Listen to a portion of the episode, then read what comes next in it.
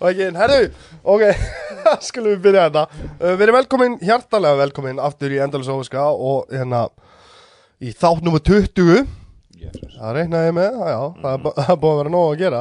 Ég held að sé ekki einu sinni komið 20 vikur síðan við byrjum að gera þáttinn þannig að við erum múlið að gefa út meira en vikulega stundum. En, en gestur minn í dag er engin annan heldur en hann Vilhjálmur Ólafsson góð vinnu podcastins og, og við komum oft hingað og, og hérna hittumst. Það, oft, við, það er plani í framtíðin er að halda áfram og hittumst og við tökum sérstakt efni fyrir í hverjum þætti og núna fannst okkur við hæfi vísta að Once Upon a Time in Hollywood er að koma nú út mánuði setna heldur en í bandaríkjanum vil ég taka fram. Ég er ógeðslega vonsvikin í bíó, við bíómyndahús landsins mánuði setna, veistu hvað er erfitt að dodja spoilera á mánuði.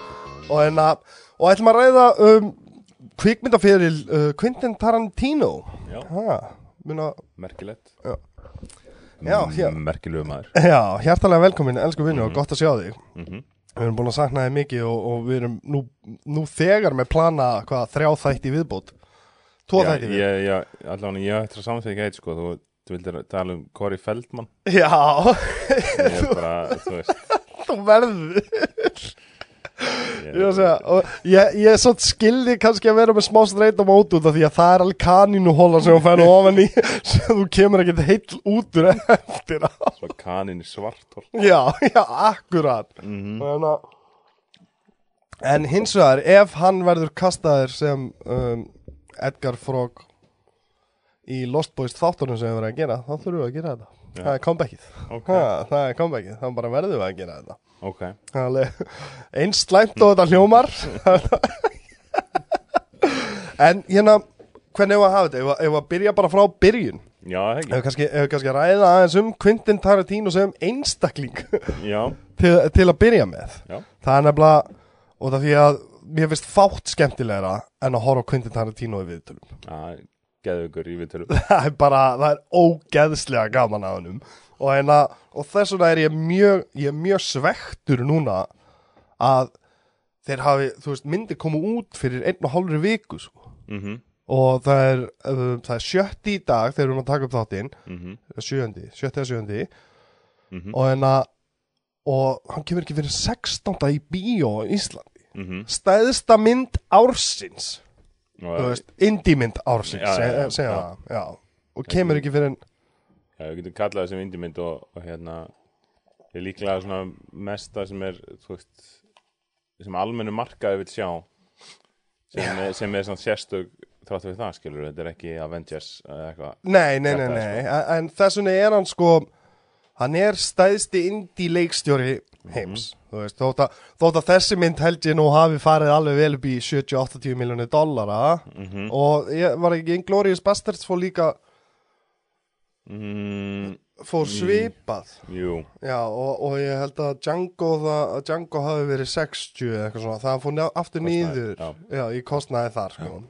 og það er út af því að hann fær hann er rosalega náttúrulega þegar hann var að vinna fyrir Miramax mhm. það er Þetta er það Já, við, við erum ekki fara að ræða Harvey Weinstein í þessu þætti, við nennum ekki að standa í því. Hann er náttúrulega bara viðbjóður og, og, og viljum eða sem minnstum tími að ræða þannig mann. Mhm, en uh, Tarantino þegar hann var að vinna fyrir Miramax þá var hann náttúrulega undir svo ströngum reglum að myndinu mátti ekki vera meira en bara 20 miljónir dólar sko. mhm. Það- þú veist, það var bara Þannig að hann tók þetta þú veist, eins og Reserve Dogs er, er náttúrulega bara eitt rými já, með svona fjórum, fimm sinnum kliftum sem er að annar staðar. Já, þú veist, en samt sko fundinir mm gæti alveg verið bara í einu herbygginu Já, hliðin á sko. já, hliðina sko. og Þannig, þeir taka líka hérna um, eða þú veist það sem hann gerir og er, er þekktustu fyrir er að vera uh, talsvarið franska nýpilki í kveimdagerð já, þannig að það er, þú veist, þetta er mitt að vera ekki að skjóta í ykkurum settum. Hann fer bara Já. á staðin og skýtu þar. Já, og, og Reserve Dogs er, er hérna mjög góð uh, byrtingamind hvernig fransk nýpilka er eða geti verið sko. Já, þá er náttúrulega frakkan að fara mikið lengra með þetta.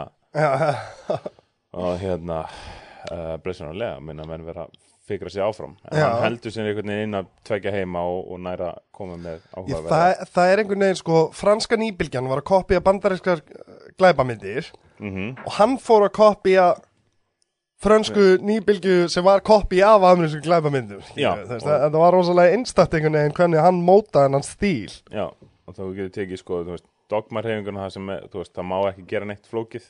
Að það er náttúrulega hérna þeir eru fyrir að finna eitthvað til að berjast á móti stúdíókerfinu sem er bandaríst Já, að hérna þá er betra að hafa veist, myndir sem eru rosalega hráar. Já. Mm. Frakka byrjuði að gera það þannig og hérna það með hann aðeins næs sko. já, Já, Frakka byrjuði að gera Já það þannig. alveg svona Frakka byrjuði að gera það þannig þannig að þeir, eh, þú veist, eins og 400, 400 blows og eitthvað svo leys, það eru myndir sem eru teknur upp á locationi og, og virka samt sem af því að sagan er það góð.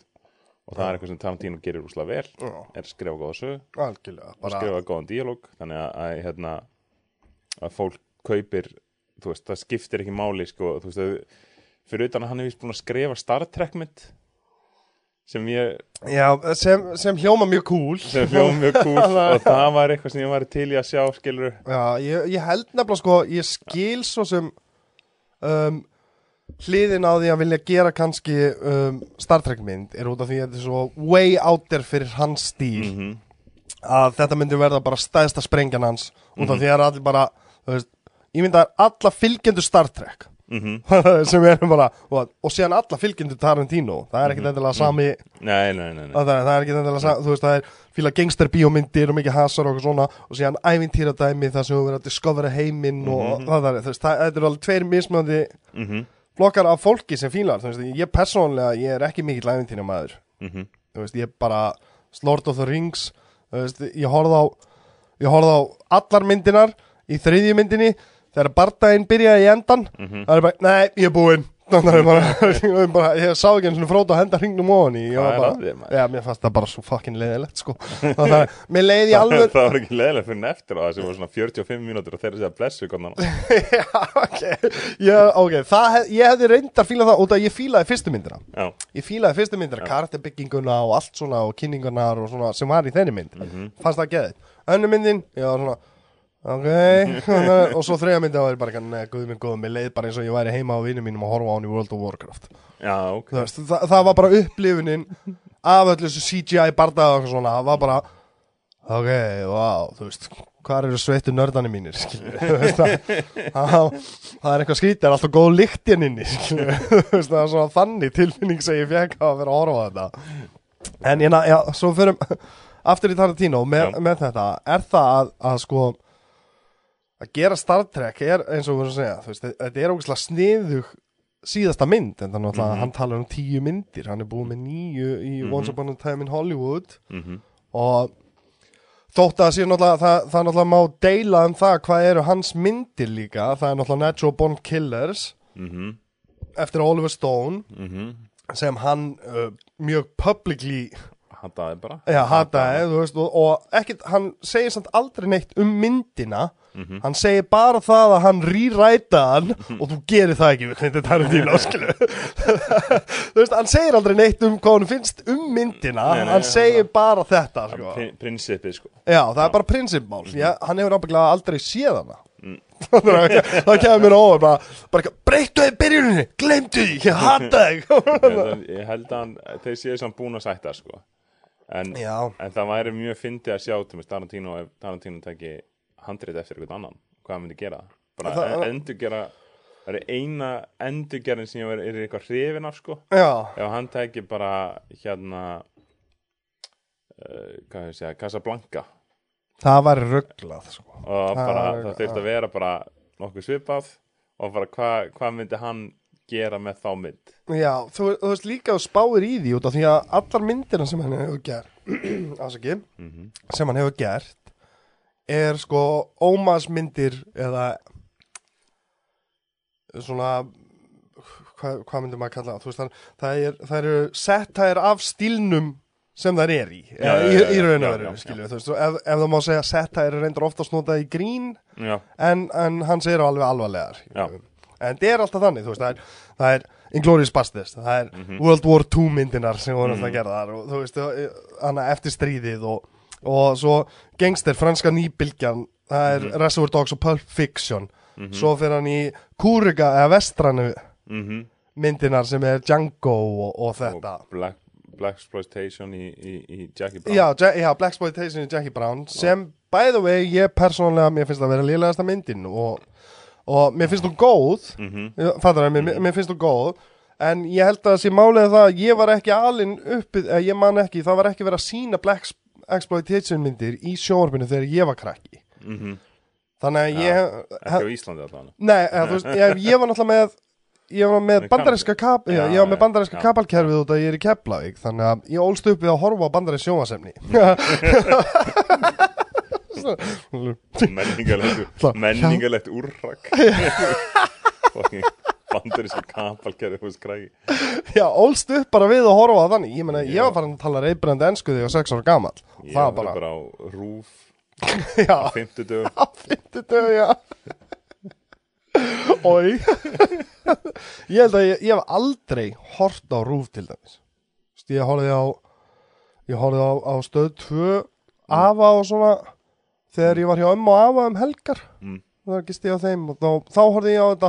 Mhm. En annars var ég bara með Cartoon Network og, og þú veist, ég horfði á fyrsta South Park þáttinn þegar ég var bara 11 ára gamall sem var bara fyrsti þátturinn af South Park. Þegar Cartman fara einulpróp ég er náttúrulega 11 ára gamall bara what the fuck? Hvað er að gerast?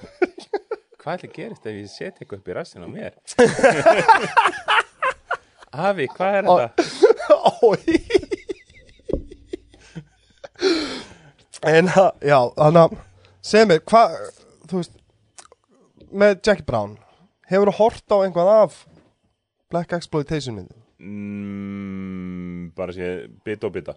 Já, um, þú er ekki séð sem sagt Foxy Brown?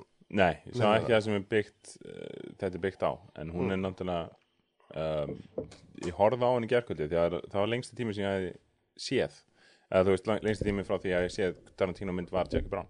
Já, þannig ég, uh, hérna já, og við ætlum að hérna íslenska titla og þannig ég ákvaða ti- titlana hérna Jack, Jacqueline já, var í Jakobína. Jakobíla Já, og, og Jakobínur á Íslandi eru, eru hérna kallaði Bibi þannig að það er Bibi Brúna.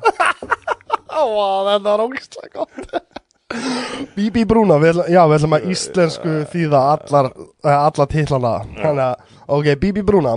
Í anda rúf. Í andan sem Elvar horfði aldrei á. Um, en já, já, hún þetta er alveg sko, getum kannski byrjað þar veist, það er kannski svona vottur um það þú veist, hvað hann eh, honum er einhvern veginn slétt sama skilur, hann er ekki að festa sig innan ákveðin sama þannig að þú tekur, þú veist miða við svona leikstjóra á Hollywood og okkur svo leið, það er fullt af veist, svörtu fólki í hans myndum sem spila líkil rullur sko, Já, já, og, já, hérna um, og í þessari mynd sko, sem þjena ekki mikið Nei. og að hluta til út af því að það er svört kona sem er aðal hlutverkið og er titil hlutverkið Heldur að það sé ástæðan, já. Það gæti vel verið sko. Uh, Já, þú veist, ég, ég meina ég, ég var með nú Mauricio minn hérna í síðasta þætti og við rættum mikið um hann svartur maður á Íslandi mm og hérna við rættum mikið um rasisma. -hmm. og það var svona fyndi, við vorum að djóka með þetta og allt svona, þú veist Mhm. bara gaman og gott að milli vina, herru, svo fyrir við á KFC Mm eftir á. Og við stöndum og það er, það er brjálega að gera. -hmm. og hérna hann stendur fyrir fram að gósvillunar Mm og ég stendur hlýðin á hann og við erum bara svona býðið þrjuð og fylgjast með. -hmm. koma tvær stelpur og stoppa fyrir framan hann. Mm bara í svona smá stundu, ég fyrir svona spá í henn svona, svo horfði ég svona á, á, á hann og svo horfði ég á þær og sé þær halda á glösum. Mm. og ég alveg og Mauricio, færði þig? Bara, þú veist, bara dróðan í byrtu og svo áttaði á því það þorði ekki að byggja hann um að færa sig. Og það kannan leit út. Oh, shit. já, fattar hvað, ég var bara þetta fyrsta skipti ég, sem ég sko var vitnað alvöru rasisma mm. Veist, og, og, og eftir það það var ekki bila samvinskupið að vera að djóka með þetta og, Já, og, og, já, já. fattar, þú, veist, það var allt gaman veist, þetta er bara millir tvekja vín og við erum að djóka og svona. en síðan að sjá þetta í alvörinni og ég, sag, ég sagði með hann alveg, ég var alveg, þú veist að þetta var út af þér eða ekki, hann bara elvar ef þú myndir fylgjast með allan daginn þá myndir bara vera þreyttur. Þú veist þetta gerir svo oft þannig bara orðið með annur veist Já, að það þorðu þær ekki beðan um að færa sig. Já, þannig að það gæti alveg verið einhver til í það sé já, já. sem þú ert að segja. eh, Tala, um það innan bandaríkjana að hún þjena ekki mikið út af því að náttúrulega þú setur hana þarna fram. Um, Hvað heitir leikonan aftur? Alveg, f- hún er fræg um, segja þetta ástæðan hérna, hún er allavega alveg stórklæsileg þessu, bara stórklæsileg kona í þessu hlutverki. Og Pam Grier. Pam Grier mm og það er sko glæsileg leikona bara Glæsileg leikona. glæsileg leikona og Dýrka. hérna þetta er vinnur sem flugflega er 44 ára Mhm. og þú veist kemst í þar aðstæður hún getur þjenað á einhverju og, og sloppið úr, úr þessu Já. það, og það er merkilega sem ég fannst með þá mynd er að þú veist, það er náttúrulega Samuel Jackson er sem er í, í svona fjó- fyrsta já, já, já, bara í öðru hverju orðið sko. Mhm. og það er eitthvað sem svona menn gaggrína Tarantino kannski fyrir, hann er oft veist, eins og einhver úlingur sko það er alveg, veist, menn er að reyna að segja eitthvað cool og eitthvað tralala um, en Pam Grier og, og hérna uh, hvíti hvíti kallinn sem verður svona elsku í hennar já, já, já. Um, hérna bara, við, ég ætla bara hann ég er ætla að hafa þekkt, þekkti líka. ég ætla að hafa þess að nöfn hérna uh, Robert Foster. Já, Robert Foster. Já, hérna, er að samtölum myndi þeirra eru bara með þeim þroskaðustu sem ég heyrt í kveikmynd sko. Geðveik sko. Þú Hann- veist, ég, ég, ég, Þegar ég segja mér, finnst það vera lélegasta myndin mm þá meina ég samt ekki að mér finnst það léleg mynd. -hmm. Mér finnst það bara að vera myndir sem ég fer tengi minnst já, já, já, já. En hann er allavega eitt drauma atvik hana þegar hún segir við hana að þú veist eh, hérna, ekki heldur að ég hef verið að nota þig Mm. við hann sko. Og hann segir eitthvað, er ég 56 ára gamall, ég veit alveg að ég ber ábyrð á mínum einn gjörðum. Og það bara eitthvað, hvað? Þannig að ef þú varst að nota við hvað þá- viskust þetta? Já, sem er samt alveg ógæslega góður punktur. Já, Það er bara um þroska og, já. og en okkur sem mannfólk alltaf með tímonum þá tekur meiri ábyrð á hlutunum mm sem gerist Mhm. í lífinni Mhm. þú veist að þú átt að á því að það er, ekki hægt að benda fingurum en eitt annað. Nei, nei, nei, og þetta var alveg uh, klikku mynd út frá því sko. Það er alveg engin hasa þannig séð. Er, er, en þetta var aðlöðunarmynd já, á þetta, bók. þetta er aðlöðun af bók. Þetta er eina skipti sem hann hefur aðlagað efni áður. Mhm. og hérna ég held að það væri kannski ástæðan fyrir Já, hún væri kannski, já. Já, hann ge- gekk ekki vel sko. Já, En þú veist, eins og ég segi Þá er ég það oblivious fyrir rasisma mhm. að, að ég átta mikið á því fyrir en ég sá það up Já, front þú veist. Já, að hann væri að lendi þessu skilur, veist, já, já. og það fyrir mér er þetta bara eitthvað sko. þetta er bara eitthvað joke og gaman. En síðan er hann að lendi í þessu í alvörunni þú veist, og hann að og þannig að það gæti alveg verið að það séu út af því að Pam Grier hafi verið látin í ekki náttúrulega spáir í því samt líka okay, svört kona miðaldra.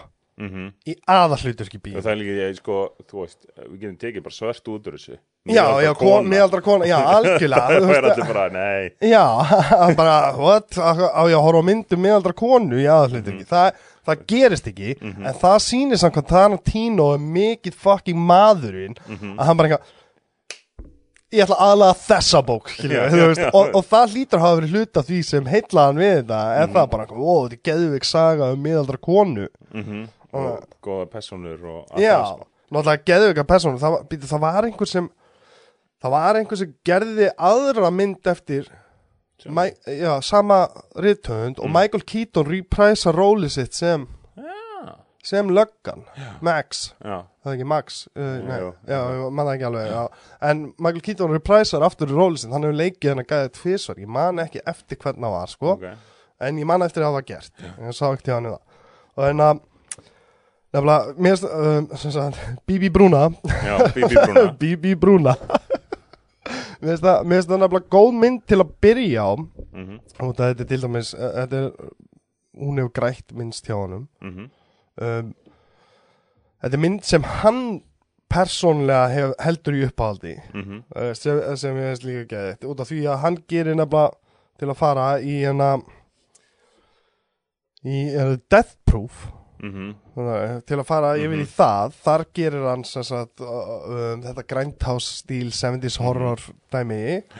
Og þeir voru alveg tilbúinir að gera sirpu af grindhouse myndum mhm, hann og Rodriguez mhm, þannig að þeir eru byrjuð með Planet Terror og, og, og Death Proof. Mhm. Og svo kom það út og strax var Tarantino bara nei, glemdi, kem ekki nála svona aftur. Fattar Já, ég, ég, ætla aldrei að gera þetta aftur þú veist, að, þá fríkaði hann bara út. Fólkið hata mig núna veist, ég, var að, ég var að hlusta út að hann var að tala við Robert Rodriguez og hann segi, Robert Rodriguez er leikstjóri sem sagt Spy Kids og, og ég elska að segja Spy Kids nefnilega Byrja, byrja á mynd sem heitir El Mariachi. Alveg geðvig mynd. mynd. Desperado líka með Antonio Banderas tekur við þegar hann gerir amerísku útgáfana og eina Once Upon a Time in Mexico og, fullt af góðum myndum Mhm. fullt af góðum myndum, bara Dust Till Dawn mm -hmm. sem Tarantino skrifaði og og leik eitt aðalit ekki um, en hann er bara var að tala, ég var að hlusta, hann var að tala við Rodríguez um þetta og hann segir bara, þú veist, mér finnst þetta svo magnað út af því ég fengi svo slæma viðtöku við, við Grindhouse að you double down og komst með machete og machete kills. Þú veist, bara, bara eitthvað, oh, I'm going all the way. Og síðan er samt machete kills besta myndin af, af Planet Terror Machete og Machete kills. Það er machete, þú veist, hann var alltaf betri og betri að gera þessar myndir og sko. hérna Robert Rodriguez má hafa það að Planet Terror miklu betur en Death Proof já, að, já, já, að, hérna nær, nær sem stíl sko. En meðan er, er, er Quentin Tarantino að, að gera Death Proof og, og þú veist það er e, á ekki við það sem hann er að gera. Hann, hann tekur senur og reyna að búa til eins langa spennu og hægt er. Já.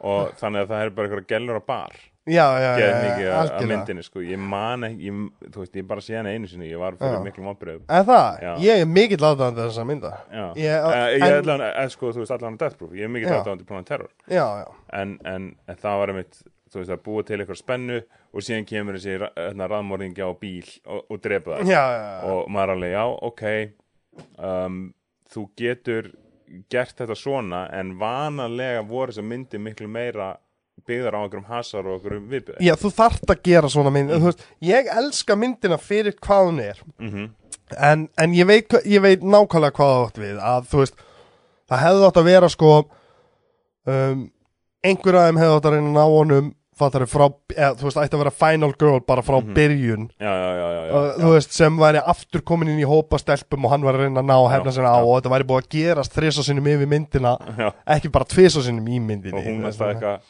af hverju er eitthvað gaur alltaf að klessa á bílinn sem ég er í? Það fattar mig annars skipti.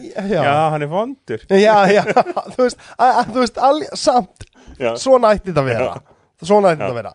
En það sem ég elskaði við myndina Mm. er uh, náttúrulega tengslin á milli leikonana Já. þú veist, mér finnst það ógeðslega gott þú veist, þegar maður horfa á hennar Rosario Dawson og, Mhm. og allar þessar stelpur bara hvernig er einhvern veginn ná svo náttúrulega þú veist, ég trúi allan tíman að það séu vinkonur já, já, já, veist, og það finnst mér svo heitlandi Mhm. og, og svo sagt málið það að hann er náttúrulega fyrir eftir sko, tilfinningaferðalagi morðingjans þú veist, það er badass töffari og eitthvað svona. Mhm. og svo í endan bara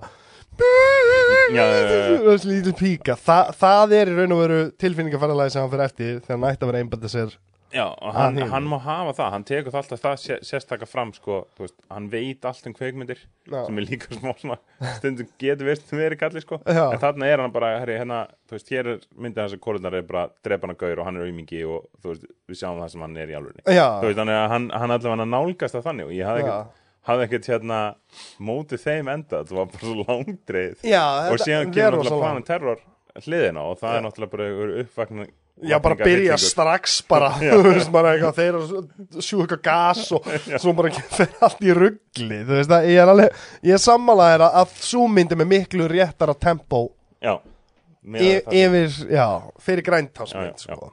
Og en að, en Death Proof, það er, einmitt, það er einhvað við leiklistina í þeirri mynd sem ég finnst Mhm. svo geðvik, út af því að þetta er svona venjulega í þessu myndum var ekki góð leiklist endilega. Mhm. Þú veist, og, og það er það sem ég er heillar af þessa mynd Mhm. en ég er alveg sammálaðar að sögutræðarinn mætti mætti vera aðeins skarpari uh, en það er líka, þú veist, það er, þú veist maður má ekki glemma, þú veist, það er líka hlut af því sem hann gerir og það er svona vitnin í fransku nýbylgina er að hafa þú veist, manneski bara spjall á kaffehúsi.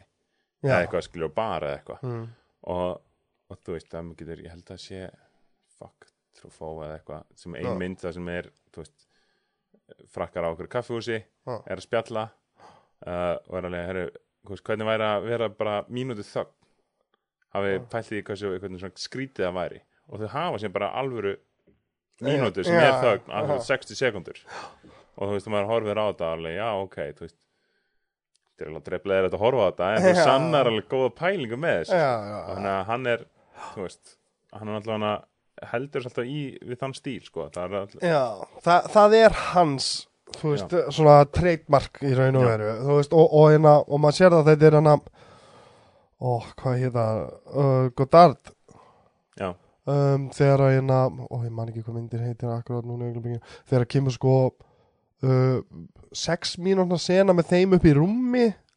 Já, veistu hvað, veistu hvað þú veist, þetta er hana ó, hvað heitir hún? Það kemur, þú veist, það kemur sena með hana gaurnum sem var að, þau eru að flýja frá lögunum.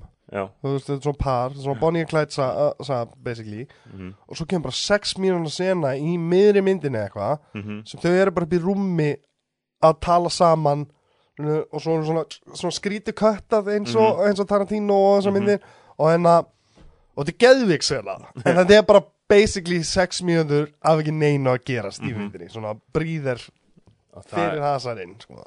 hvað sagði hindi, Goddard, já, já, Goddard góðan þann ég, bara svona skít inn einni sög það var Mm. hérna kvikmynda svona samsöða Ha? í verksmiðu fyrir norðan í hérna ykkurum fyrir uh, eiga fyririnum allana uh, rétt fyrir utan Akureyri. Og hérna þar var þessi mynd eftir hann eða heimildamynd um hann sínt og Já. þetta mættir inn í svona gamla síldaversmiðu og það var fyrst fullt af skjáum okkur svona frönsku dæmi gangandi sko. Þannig að maður eh, inn í svona tómur rými en svona bergmála allt. Og sem var inn í svona lokuðu rými það var heimildamynd um hann sínt það sem einhver frændans, þú veist, sýstu svona sem var ákveð að gera heimildamynd um hann að gera mynd og þessi mynd og þetta var alveg það förðulegasta sem ég séð er Goddard labbar hann um og er hérna með sko, þú veist, hann er bara að klappa með hendinni og þetta er bara eitthvað svona leikarar þú veist, það er bara svona fimm mínútur það sem er endast að taka upp sömu sena og þetta er eitthvað gauð sem að fann á götu man ekki línutna sínar. Já, býttu ekki að sé þess að senu þetta er alveg fáránlega skrítið sko. Já, og síðan hérna, já, þetta er já okkur borðið ykkur listisnekju eða svona skemmtifæraskipi Mm. og alveg, til, tilveran þarna er bara svo ógeðslega tóm og ömuleg og þetta er alltaf síðan hann örgulega lappa þarna um á þylinu, bara eitthvað að klappa með höndunum. Og það er eitthvað senu sem við teknar upp. Og þú veist hvernig hann leikstýri fólki eitthvað, já, þú hleypið þangað tvö skaf hingað og þetta er ekkert verið að segja neitt um veist, ásetning leikara neitt. Nei, nei, nei, nei og síðan er að koma með sko, það er eitthvað dansina með eitthvað frægum franskuleikurum Já. og þá er að koma með eitthvað klippispjald og eitthvað svona að þykast vera eitthvað fagmannlegur í þessu. Og lampar út. Málið er Mm.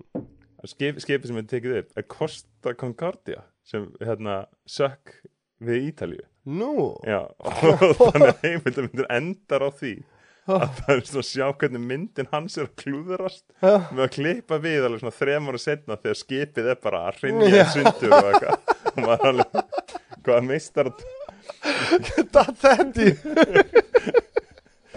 það er reyndar ógeðslega gott og, og, en, en þetta er sko mér finnst þetta ekki skrítið.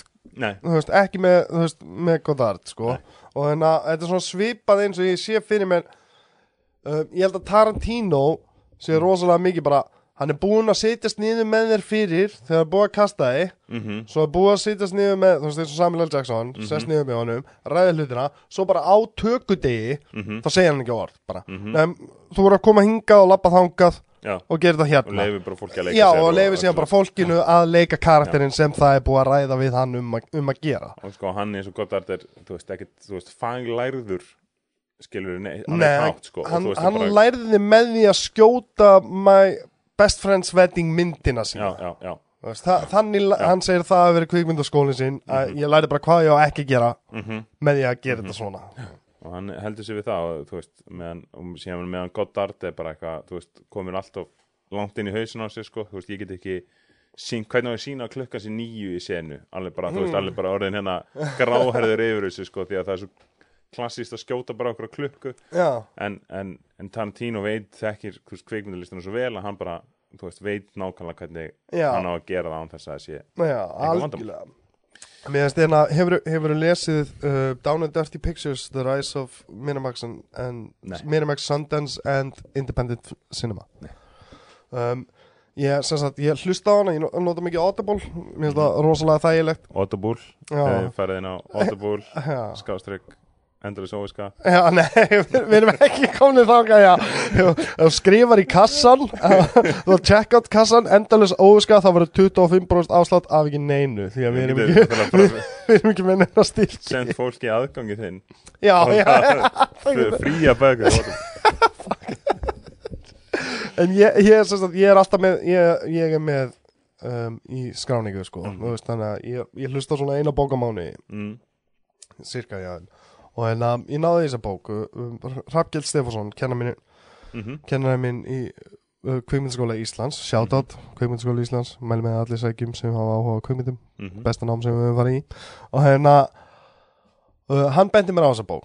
Hann sagði sko út af því að þetta er basically bók um Harvey Weinstein Mm áður en skandalunni já, já, já, já. og, og, það, og þar á meðal er farið þú veist, þetta er um Harvey Weinstein og Robert Redford. Mm uh, sem er náttúrulega eigandi Sundance hátíð út að hann var í myndir í hvað Butch Cassidy and Sundance Já, Kid já, já, og hann, hann gerir þess að hátíðina sem er einn staðista independent filmfestival í heiminum í dag. Mhm. um, og, og það er nefnilega sko að fyndið í þessari bók að það var farið út í Tarantino. Mhm. hann náttúrulega um, lendir í rosa máli með Pulp Fiction. Mhm. þar sem hann er ekki rítöfundur allra sagana í hann sem já, sagt já. skrifaði ekki buttsöguna já, já, já, hann, hann skrifaði allt annað Mhm. og blandaði svo, þú veist, hann gerði allt Mhm. en hann átti ekki boksaran sem Mhm. sem leggur á, eða, þú veist, veðir á sig á öllum Mhm. stöðum og, og, og, og feikar þannig að það er sem sagt Bruce Willis saðan það Mhm. var eftir annan Mhm. og hann gaf ekkert kredit þú veist það stendur á á, hérna, á EMDB já, já, að stendur veist, written by Quentin Tarantino and þú, veist, og, og hann fær öll löglegu kreditin sín Mhm. en Tarantino neitaði að gefa honum kredit í ræðinu sínu á Óskarnum þú veist, og eftir á og það var alveg heljarinn á mál út af þessu dæmi já. en eftir Pulp Fiction og það Tarantino er eins og er sagt í bókinni avid po pot smoker kannski ástæða fyrir að maðurinn er múin að sjá allar bíómyndir sem hafa verið gerðar og hann er bara friðin heima á sér allan daginn sko. Og hérna en eftir Pulp Fiction þá veist hann ekki hvað hann átt að gera. Veist, þannig að hann lá bara og reykti gras og setti spólu í eftir spólu og við vorum að tala um vinnir hans að það var alveg og það voru ekki eins og það voru ekki eins og góða myndir. Veist það var bara að horfa bara þú veist Sharknado dót og eitthvað svona skilur þú veist það var bara búin að sjá allt og satt bara heima á sig næst í þess vegna svo langt á milli Pulp Fiction og hvað var aftur myndin Jackie Brown Jackie Brown eða ekki, það var alveg 2-3 ár Já. á milli Já. þessa mynda. Og það er út af því að hann var bara friðin heima á sér. Já, á meðan að re- reyna að fatta bara hvernig get ég toppað sjálfa mig? Einhver stað að vera góður að vera Já, þú veist alveg. Ég þarf að toppa sjálf á mig eftir Pulp Fiction. Það hlýtur að vera fucking erfið áskorun Mhm. í lífinu. Ég held það og, Út af því að margir deil kann- kannski út af það sem við settum þess að tíu mynda reglu skilur til þess að hafa eitthvað til þess að miða á. Já, til að þú veist alveg, já, ég verð alltaf áfram að, að þú veist, það verð að finna eitthvað. Já, út af því að honum líka sko Þú veist, hann þólir ekki hvernig eldri leikstjóran er. Mm Er orðin bara einhvern veginn svona manufacturer Þú veist, þeir eru bara að gera bíómyndir og það er fókuslega mikið borga fyrir það, þeir Mhm. kunni ekki neitt annað, þeir eru löngu búin að tapa ástariðinni fyrir að vera að gera þetta. Já. og það er eitthvað, þeir eru að segja Ready Player One. Já, ég hef úkjörlega fyrir að minnast það. Ég hef ekki séð hana. Nei, þú veist ég er að segja hún, hún er svo sem, svo sem alveg allt er læg, þú veist, upp á þú veist, eitthvað svona ævintýra sci-fi og eitthvað Mhm. svona skilju að gera, en það er ekki neitt þú ekki þú finnur alveg hvað þetta er manufactured mynd, Já, þú veist, þetta er bara færibandavinnu mynd, sko. Og þeir hérna Sko Sko, ég heyrði að grófasta dæmi var að hlusta á hljóðbókina.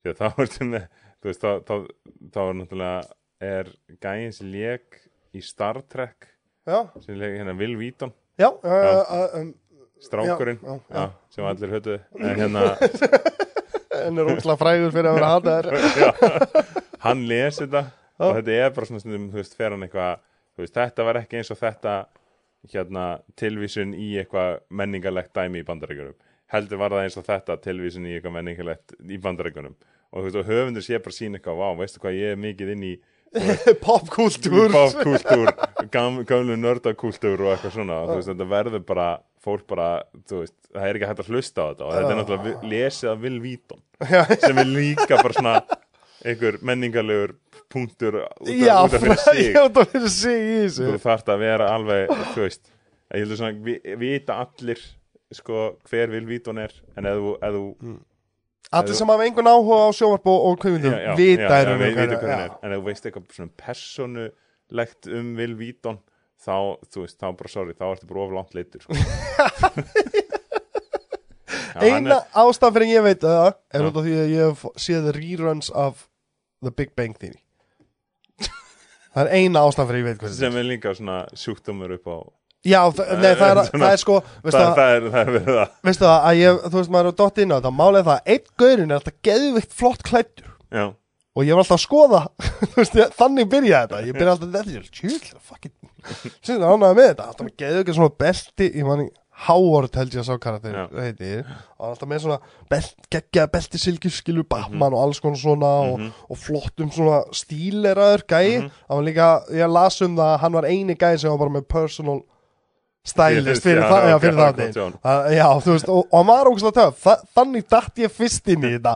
Og veistu hvernig ég get klæðið mig? Þetta var ekkert ósvipa nefnilega Mhm. smekknu mínum Hvernig ég klæðið mig. Og hérna, og ég er að horfa á þetta. Og svo kemur eitthvað aðri Og ég er svona Og svo bara, oh my god, ég skammast mér Svona, ég, ég skammast mér aldrei jafn mikið Þú veist, ég er að segja það Þú veist Ég hef lendi að fóreldrar mín og bróður mín og allir hafa að labba inn á maður að stunda sjálfsfróðun. Ég skammaðist mér meira þarna heldur en í nýjanglumleiki hefði samt getur skammast þín ennþá meira ef þú voru að horfa á þetta og stunda sjálfsfróðan Já, já það, og hlæja segðu mér annan stað Já, þetta er nefnilega Þetta er að versta sem ég hef séð. Já, veist, Þetta er verra heldur en Two and a Half Men. Mhm.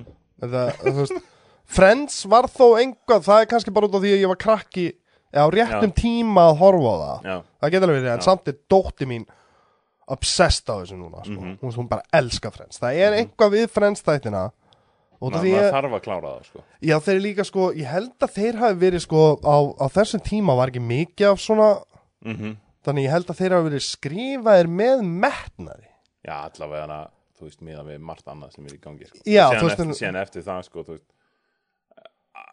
allt þetta sko, veist, King of Queens og eitthvað sko, þegar maður var áttund Já, veist, Þú veist, ég horfði á getur það tekið djöfla síru í staðinn sko. Já, Þú veist, ég- þetta var allt svona, þetta var svona feiti kallinn með glæsilugur konum Já, já. er alveg og hún alltaf Hann eitthvað geti aldrei náði hana.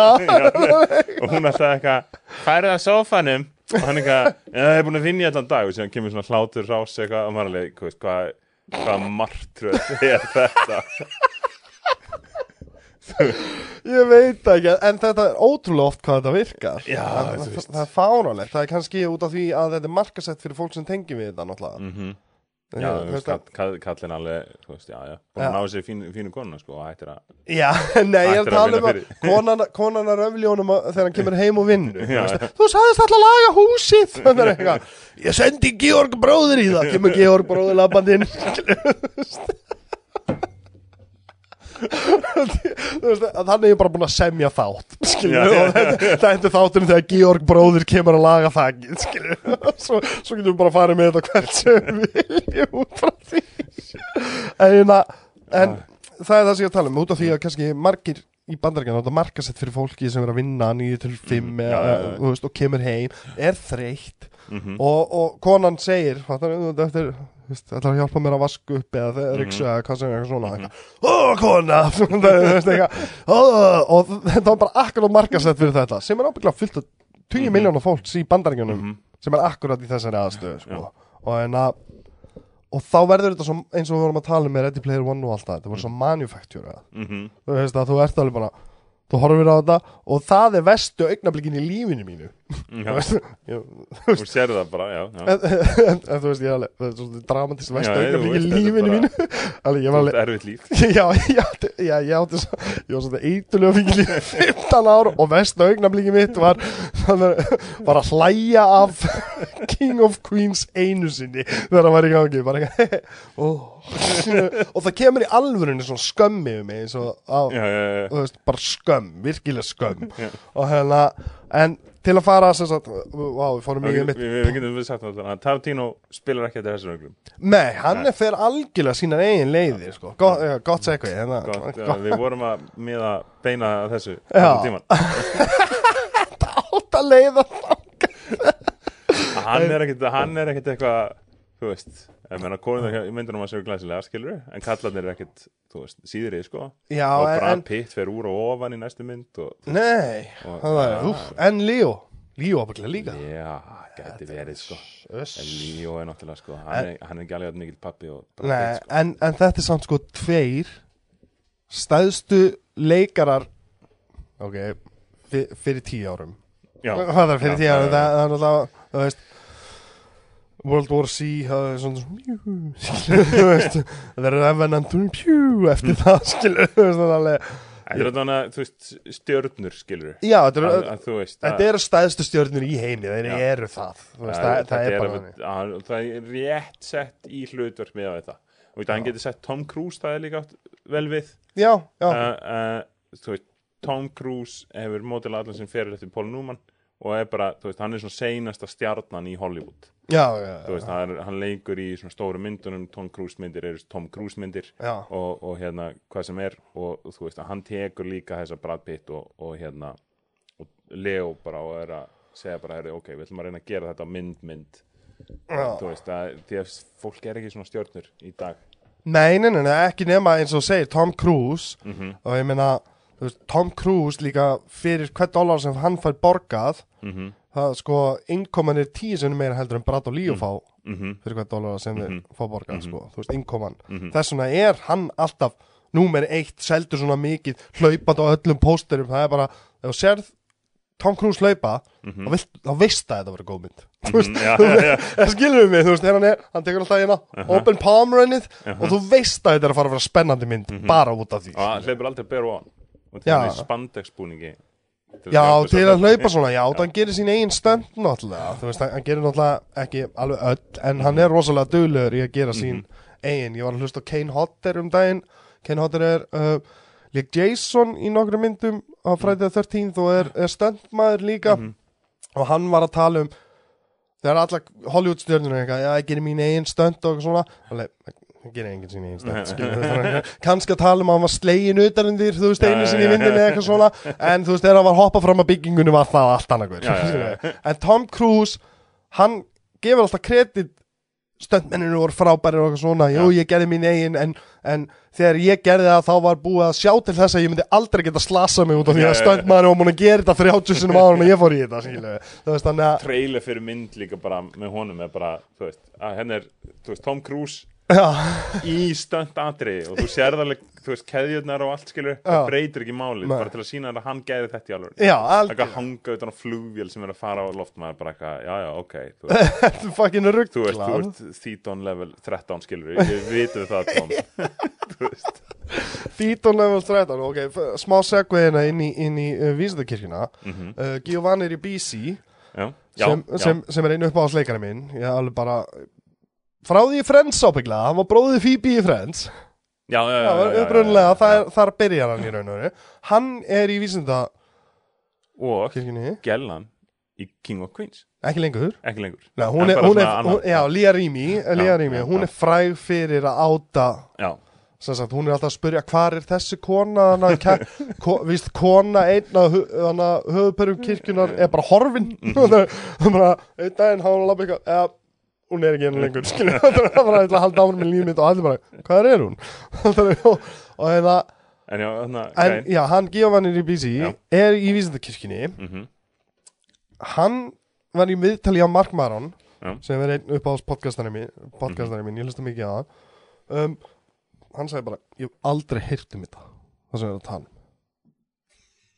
Hann sagði bara, hann sagði bara, þú veist, ég er í þessari kirkju allt mitt líf. Mhm, aldrei heyrt um neittna þessum hlutum sem við verðum að tala um.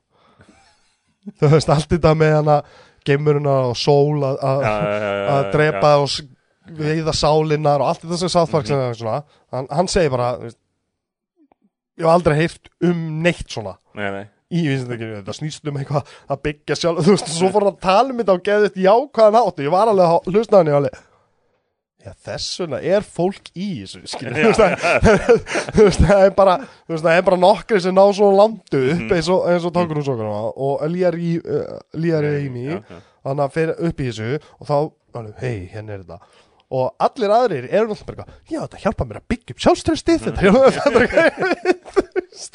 þau eru bara að hugsa eitthvað svona veit ekki að það snúst um gemmerur og eitthvað svona, því að þau megi ekki horfa svona hluti, það er bara bannað innan kirkjunar mhm. að fylgjast með Þú ert líka, ert í sérstaklega stöðu að þú ert leikari, sko já, eða þú veist, Já, að já. þú veist, þekktur skilur en, Mhm. en, en, en, en þú veist, nú, síðan er náttúrulega svo mikla legasögur kringum þetta að maður já, og þú veist ekki hverju ekki þetta trúið og hverju ekki Já. með um þetta John, Kannski John er- Travolta er, þú veist, víst hommi já, og já, maður er já, alveg bara, þú veist ei, af öllu þá er það einhvern veginn að halda því lengdu var alveg svona að ég veit ekki, það, hann sé okkur teipi með okkur mörgum kallmanni og vísindakirkjan sé eitthvað, þegar hún kjaftar þá fer þetta í fjölmiðla og eitthvað. Já, ekki bara, og það ég, var alveg bara, veist, come on.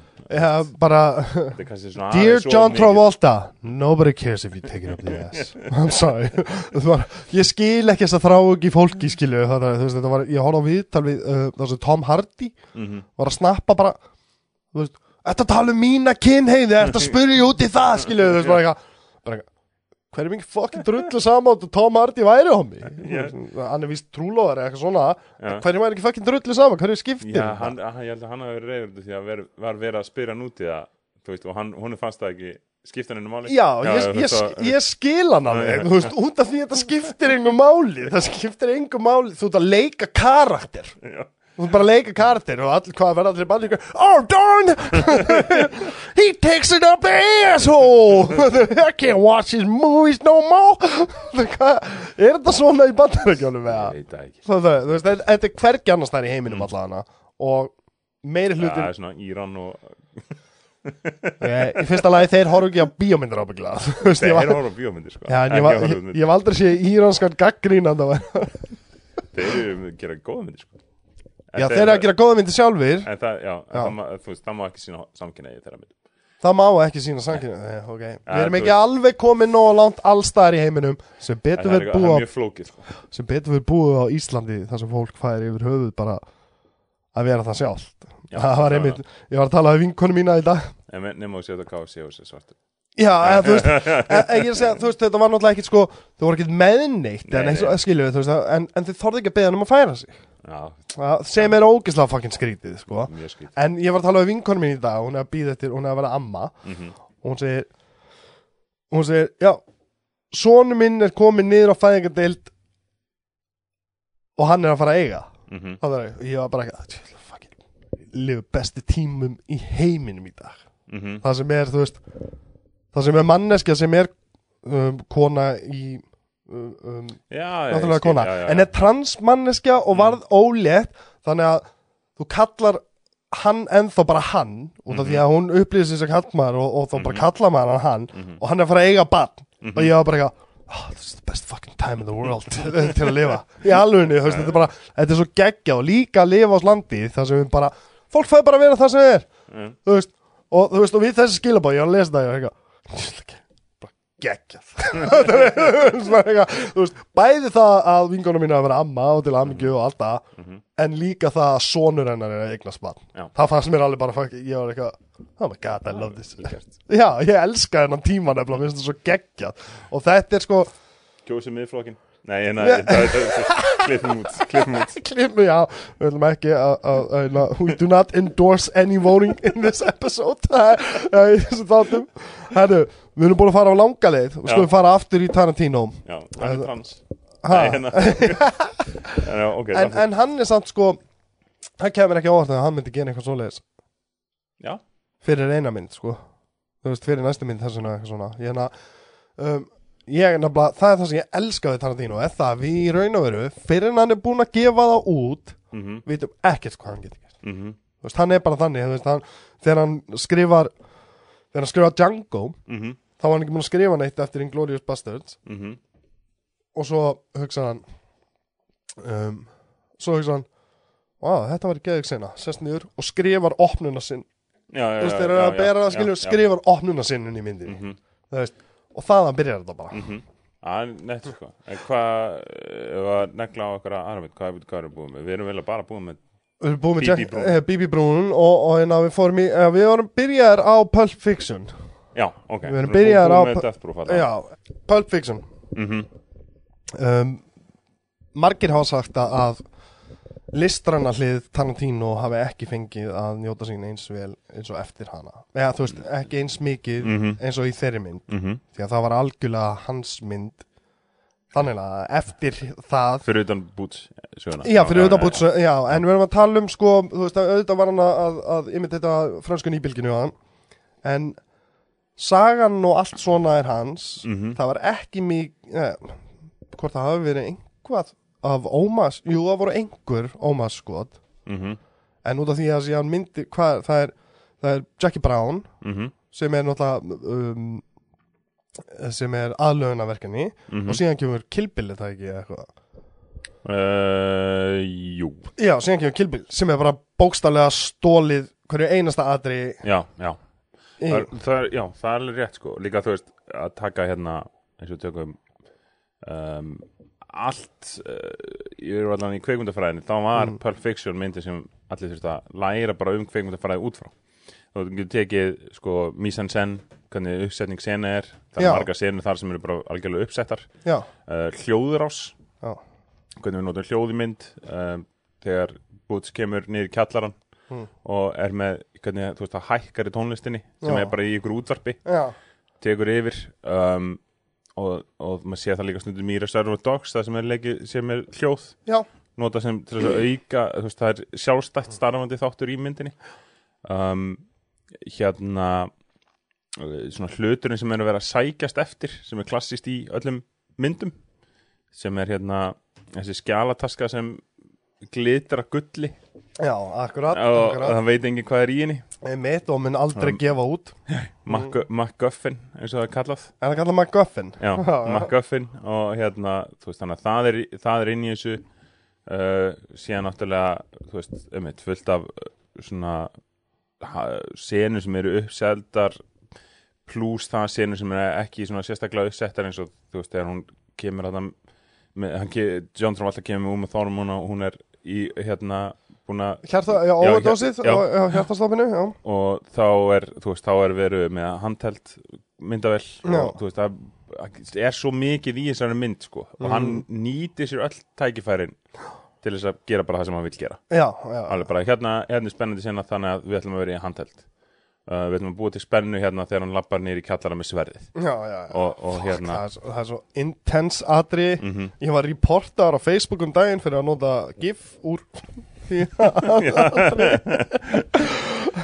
en það er, þú veist, já það er alveg hægt að, segja það. Hann hefur allavega aldrei verið frjáls einhvern veginn. Nei, ekki svona listrænilega frjáls út af Mhm. því að um, hann fer rosalega mikið í ég veit ekki segja stela út af því að hann gerir þetta algjörlega sínum já, já, algjörlega sín, sínu hlut. En þetta er Ómas sem Mhm. er náttúrulega í raun og veru um, ég var að hlusta á uh, ein, uppáhalds gítarleikara minn bara fyrir morgun Mhm. og um, the greatest form of compl uh, compliment is imitation mhm það sagði hann, Já. þú veist, það, Mm. það er bara það, that's, hann sagði, that's what I live for Mhm. veist, mér finnst geðvikt basically þegar ég heyri gauðra sem erum eiginlega með nákvæmlega sama gítarstíl og ég mhm, það sem ég alveg eins lög mhm út af því að veist, það það er bara veist að þú ert að gera eitthvað rétt já, það veist að þetta gerir eitthvað rétt þú veist, og, og, og, hérna, og Tarantino er bara þannig hann, Mhm. er kvikmynda veist, ég tengi rosalega mikið við Tarantino. Ég náttúrulega myndi aldrei held ég geta orðið jafn góðu leikstjóra hann. Mhm. um, bara út af því að hann kannski hefur veist, hann byrjaði minn fyrr, þú veist, hann er 17 ára gammal í klám, uh, þú veist, fyrir að vinna í klám bíói og, og hérna, þú veist, lífur um aldurinn sinn og, og fyrir síðan að vinna á vídeolegu og búið til bíómyndum um helgar. Veist, þetta er bara fyrir tvítugt sem hann er Já, að gera. veist, þannig að, að þekking hans er rótgróin frá byrjun Mhm. þannig að ég myndi aldrei halda, en ég tengi við hann á margan hátt um, sem mannesku og skoðanir og pælingarna hans Mhm. einmitt varðandi þessar hluti því að, því að oft þegar ég skrifa þá er ég að gera mína eigin sögu og síðan hengsa, þú veist, ég, var með ég var að skrifa hrollukimynd og byrjunar atriðið sem ég skrifaði var ég alveg, já, ég mynd klárlega óma þess að byrjunar atriðið þegar stelpan er hlaupandi í í hérna uh, Texas Chainsaw Massacre. Það já, hefur bara blóðu út af veginum og, og þú veist það, og það því að það svipa bara uppsendingun í byrjunar undir þannig að ég var alveg, já, ég, bara þú veist, þetta er eitt besta, veist, einn uppáhaldsmyndi mín síðan ég var krakki, Gunnar Hansen sem svona, að ég myndi klárlega gera það bara til að, Já, já, já. Þú veist, þótt að Mhm. atriði sjálft og sagan er allt önnur, þú veist, það er Mhm. engin mannættu fólk eða, neitt Mhm. klæðisíski, þá er það bara út af því að ég elska þessa bíómynd og mér fendist alveg, já, ég myndi klárlega gera atrið Já, svo lengi sem það sé þitt, sko. Já, já, Já, það, já, já, algjörlega, ég myndi alltaf gera þannig, ég myndi aldrei skrifa sögu, þú veist, það sem ég væri bara, já, ég ætla að gera alveg eins og þessa sögu, skilju, þú veist, en samin er þetta, en síðan að hugsa um skotið, Mhm. myndinni, þá alveg, já, ég myndi klárlega óma að segja Þetta, sko, já. Þetta skot, Hann, uh, þú veist, og það er líka, sko eins og Simon Jackson segir, sko, svo setna meir þá hafum við verið með hérna verið leikstýst af Quentin Tarantino og Quentin Tarantino gefur upp á hann. Já, fyrst tökum við þetta hérna og þetta er skotið úr þessari mynd, mástu og Simon Jackson bara, ég man ekkert um þessa mynd. Alltaf, þú veist alveg, og þú gerir eitthvað svona, svona veist, það er eitthvað rosalega mikið um, í svona, svona tilvísina gleði hjá honum setna meir, sko. Se, ekki, segna er ekki, ekki, perfection, nei, ekki að mikið, sko. Enda líka, sko, um, fyrir mér, um, er það alltaf besta myndir hans, mm það, fi- þú veist, það er það er rosalega erf, en þú veist með setni árum eins og Inglourious Bastards ég meina Kill Bill þær voru ógeðslega góðar en það, ég myndi ekki segja að þær voru bestu, mynd, mm bestu myndir sem hafa verið gerðar þú veist, það Mhm. voru samt ógeðslega góðir ég horfi ofta á 1 og 2 og finnst það alveg geðvitt gaman og svona Mhm. en, en þú veist, núna í dag þá er ég meira alveg að já, þetta er Enter the Dragon að já, þetta er, Já, veist, já, já. Það, það, það er meiri þannig í dag þegar ég er að horfa á það heldur Mhm. en þegar ég sá þær fyrst um, í Pulp Fiction þá horfi ég alltaf á hann bara eitthvað, oh my god, það er perfect attention to detail mm mm. byrjun og atrið þegar, þegar, þegar þau eru að tala saman hana, um að þú veist Akkur ekki, já, já, Tim. Roth og, og hún hérna, uh, Honey Bunny hana, er að tala saman og fyrir aftan byrtist Vincent Vega. Sagt, og er að fara klósetti þú veist, sem, gerir síðan setna meir í Mhm. myndinni og það er allt svona í þessari mynd. Já, hann, hann er líka sko brjóta það, þú veist, upp sko til þess að búa til eitthvað heildrann sögu og allt það. Já, sem er alveg, þú veist, hún gerist líka þú veist, frásagna hefðin í henni er náttúrulega mjög skrítin, já, já, en, en, en, þú veist, annað, annað en hann setur það samt ekki sem svona einhvern veginn aðal punkt skilur, hann er bara að segja sögur þessara einstaklinga ef þetta Já. er Kristofur Nólan sem dæmi. Þannig að hann gerir svona svipaða hluti með að færa til tíma og eitthvað svona. Já, eins og Memento til dæmis sem er bara aftur og baka algjörða og Dunkirk, skilur já. það sem eru þrjú mismunandi tímabild tekin fyrir. Já, og þá er maður samt alveg, já ok, þú veist uh, Nólan, þú ert alveg þú veist, í, þú veist, þú ert bara að sína okkur hvað þú getur gert með formið. Já, Tarantino er einhvern veginn aðeins bara svona njóta sér, njó, njóta sín já, innan í- þess, já, sko. innan, algjörlega ég minna að þú veist hvernig það var þú veist, þegar þeir gera Pulp Fiction mm að, hérna, að þá var hann með sko þá var hann með bara handriti yfir öllu gólfinu -hmm. og svo var hann bara búin að teipa saman blaðsjur Já, já, skilur já. fattar það sem, bara þetta á síðan að vera kliftinga, Já, já. þú veist, áður en að gerði loka sem sagt Já, handrita já, já, hendinni, já. þá var hann búin að skrifa allar sögunar, Mm -hmm. þú veist, þá var búin að gera það það getur allir komið saman og síðan eitt sem ég veist merkilegast við að sko af því að gæðin sem tekur myndina upp fyrir hann um, hefur hætti tekið upp marga myndir fyrir uh, Steve, Steven Spielberg. Er allavega, ég minni það. Mm. um, manni ekki hvað hann heitir. En það sérð sko þú sérð alveg rosalega mikla vinnu var þetta kveikmynda kveikmyndatökuna Já, og það er eitt hérna ef fólk vil svona kanna þú veist nefnir með klippingar og tökur. Mm. uh, það er atrið þegar hérna John Travolta og, og Samuel Jackson koma saman og er að hérna innnáta heimili það sem er MacGuffin eða þessi skjálataska já, já, já. og þá er það hérna og þetta er það sem Samuel Jackson heldur sína ræðu Mm. svona stóra ræðu.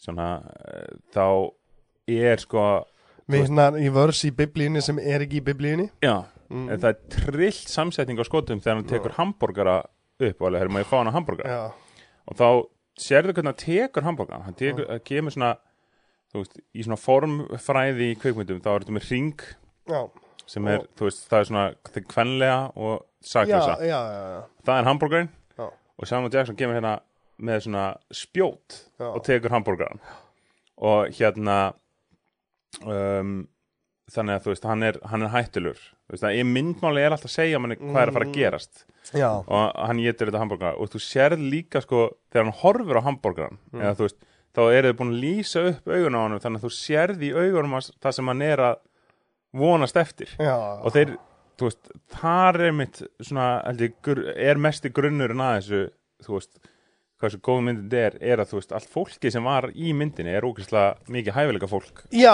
já, sem var með honum sem er Já. náttúrulega um, um, einhvern tíma var sagt við mig að, hérna, bestu leikstjórnum er þeir sem finna alltaf fólk sem er betur en þeir Mhm, í, já. í, að koma og vinna með sér sko. Og, og það er bara algjörlega þannig. Mhm, þú veist, það er bara þannig. Þú, um, þú mátt ekki þykjast vita allt um, mhm, uh, um linsunar sem á að nota og, og, og þú veist, þú mátt ekki þóttu sér leikstjórnum með vissa hugmynd eitthvað svona og, og ég var alveg verið með svoleiðis og svo er bara samt mér elva það virkar ekki Þú mhm, veist, það er svo að tala um það virkar ekki við verðum að finna aðra leið sem við erum að gera þú veist, og, og þá þarf ég bara veist, þess vegna verður maður að hafa einhvern betra með sér Mhm. út af því að það er manneskja sem kemur að þér og segir nei, nei, nei, nei. Þú veist, það virkar ekki. Mhm. við getum ekki gert það svona við getum gert það kannski svona eða svona, prófa svona það, það er svo nöðsynlegt út af því að það er einhvað smá, smá attention to details sem getur gert mhm, þú veist, gæfu mun á mynd, þú veist, þetta er Mhm. og uh, set up a payoff. Já, það, er til dæmis um, ég þóli ekki að horfa mynd og það kemur alltaf einu atriði sem er eitthvað já, sérðu þess að risa bjöllu? Ég er heyrnalaus og þessi bjalla ringir alltaf þegar að, þú veist, ef það kveiknar í eitthvað svona, þú veist og þess vegna er hún hérna og ég þarf á henni og ég er heyrnalaus og, og sjá já, hana. já, í þessari mynd endar hún á því að nota þessa bjöllu til að bjarga sér. Ég þóli það ekki við bíómyndir sko. Leið og gerir þetta svona en ef þú gerir það kannski einhvern veginn þú veist, hún lappar, kveikir á henni Mhm. mm -hmm. lappa bara í burtu þú veist, ekki það að bjallan fær í gang eða eitthvað svona, þú veist, sem er svona augljóslega aðtekla á hana, Mhm, heldur hún myndi slökka á henni, skiptum batteri bara mhm, er, þú veist, eitthvað svona og svo halda áfram, mhm, þá ertu búin að sitja upp já, án þess að setja hann upp hvað hann gerir eða neitt svoleiðis. Mm það, það, það finnst mér ógeðslega gaman. Þegar það er eitthvað um, spoiler alert, Doctor Strange þetta búin að sjá hana? Um, Marvel, já, já, ég Marvel hana, þú veist, í myndinni þá er hann að finnur hann tímastónin og hann tekur eplið og það er búið að borða það. Er heilt. Og það er búið að borða það. Hann er að leika sig með tíman Mhm. þú veist, og þeir koma. Hvað er þetta að gera? þú mátt alls ekki vera að gera þetta. Þú gætir fest í tímalúpu. Bara eitthvað bara eitthvað. Já, að segja svolítið myndin á eftir að enda með honum föstum í tímalúpu. Það er líka verið bara sjálfsúskýrinlega í lokin sko. Já, en eitt líka með Perfection er, er að þú veist ef við, ef, við myndum bara taka þú skrifum, ok tökum bara sögu hvers karakters fyrir sig. Já, veist, ef við myndum bara spila það sem lúpu já. skilur, þá, þá myndi hún ekki vera skiljanlega á neitt eða, þú veist, eh, hérna ef við getum gert það í réttir tíma það skiptir ekki máli, ef við myndum bara segja ok, hér er saga Tim Roth og, og Honey Bunny á, á dæminu. Já. og þau eru eitthvað að fara að ræna og síðan allt í einu bara kemur í myndina einhver, þú veist, tveir gæjar í hérna Hawaii-skiptum já, já, og einn er alveg hei, ég er með eitthvað að klikkaða ræðu Já. en í dag þá eitthvað bla bla bla og ég er að hugsa eitthvað filosófist og þið með fara Já. Þetta er eitthvað svo leiðilegt það væri Já, bara Skilur. eitthvað, af hverju Já, já. Kill that motherfucker Já Og það er einmitt, þú veist, eitthvað sem hann gerir mjög vel, skilur Já. það, allir, allir, allir, allir personar hafa sín ásetning og, og þú veist, aflengar þróast og, og Já. hvað, hvað sem er, sko Algjörlega, Þannig að- myndin er alveg innan forms Já. Þótt að tímalínan séu allir Já. Það var það- myndin það samt inn á honum og það er aldrei einhver karakter sem kemur fram og gerir eitthvað bara út af því að hann þarf að gera. Það nei, nei, það er nei. ástæð fyrir því að hann gerir það. Það er meira þess að Butch rispaði bílinn hans Vincent Vega. Já, þú veist hann að Já, tala um já, hann að tala um já. að fucking my car og svona. Svo sínt allt innu Mhm. á öðrum tíumpunkti þegar þeir eru eh, einhver confrontation þegar hann er að sitja upp fyrsta já, Það er málið, þú veist, Mhm. og það er talað um hann að hafa og það, þú veist, hefur kannski áhrif á hann persónulega og eitthvað svo leiðis Já, og það, það, þú veist, þessun er Pulp Fiction mjög drullu góð með já, það er bara, hún er Það er nefnilega sko, ég vildi að ég gæti setist núna niður og sagt eitthvað, þú veist einhvað slæmt um hana. Þú veist, mm -hmm. mér finnst svona eins og það er alltaf, þú veist, maður reynir alltaf að hafa um, Viltu meira kaffi? Nei, Já, það er bara það er minnsta mál, hérna, maður reynir alltaf að hafa sko báða hliðar á málunum mhm, En Pulp Fiction er sko, veist, næstum því svona fullkomin hasarmynd. mhm, Svona, er svona gangstermynd, mm Mhm. -hmm. segja það, gangstermynd. mhm Um, ég get ekki, það, það heyrist í kaffinu, sko. Já.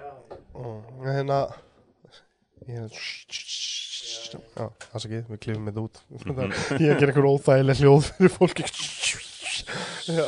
fara svo Hérna, um, málið er það að, að þetta er allt ógeðslega velleikið mm Mhm. leikarnir er allir briljant í Mhm. mynd, þú veist, það er bara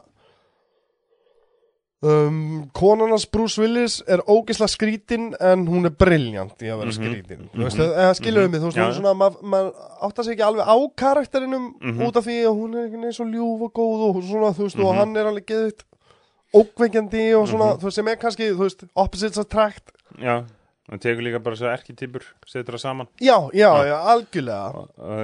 Eitt hérna nú er ég alveg múin að glemja hvað ég ætla að segja En þú veist, að, það er nei, haldt áfram. Já, ok. Það kemur fyrir, það kemur Það Mhm. kemur og, hérna, og, og hérna, það er fyrir við podcast Við getum bara haldið áfram og við höfum gera það sem við viljum. Og hérna og, En hérna, þú veist, í þessari mynd þá er sko, ég get ekki benda á eitt hlut sem mér finnst það slæmur sko, eitt besta atriðin náttúrulega sögunar er þegar er, er að lífga við Uma Thurman.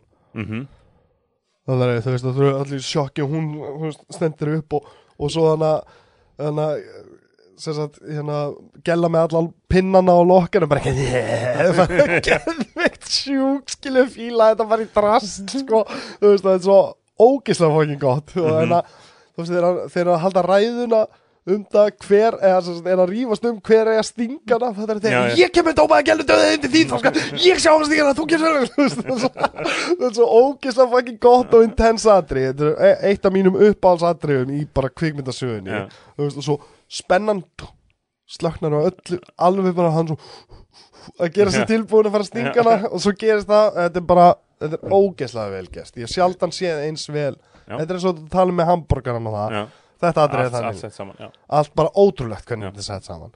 Um, ég hef ekki slæmt um einn eða einn slæma hlutum að segja um þessa mynd. Um, ég finnst eiginlega skrítið að hún hafi bara tekið tók hún ekki bara ne, ein óskarsvölun tvö? Jú, en hún náttúrulega er náttúrulega sjálfstæð og, og þú veist þeir hún er náttúrulega sjálfstæð mynd og það er kannski líka, þú veist, hún er ekki ekki, þú veist, klassísk þannig séð sko, Nei, þe- á þeim tíma.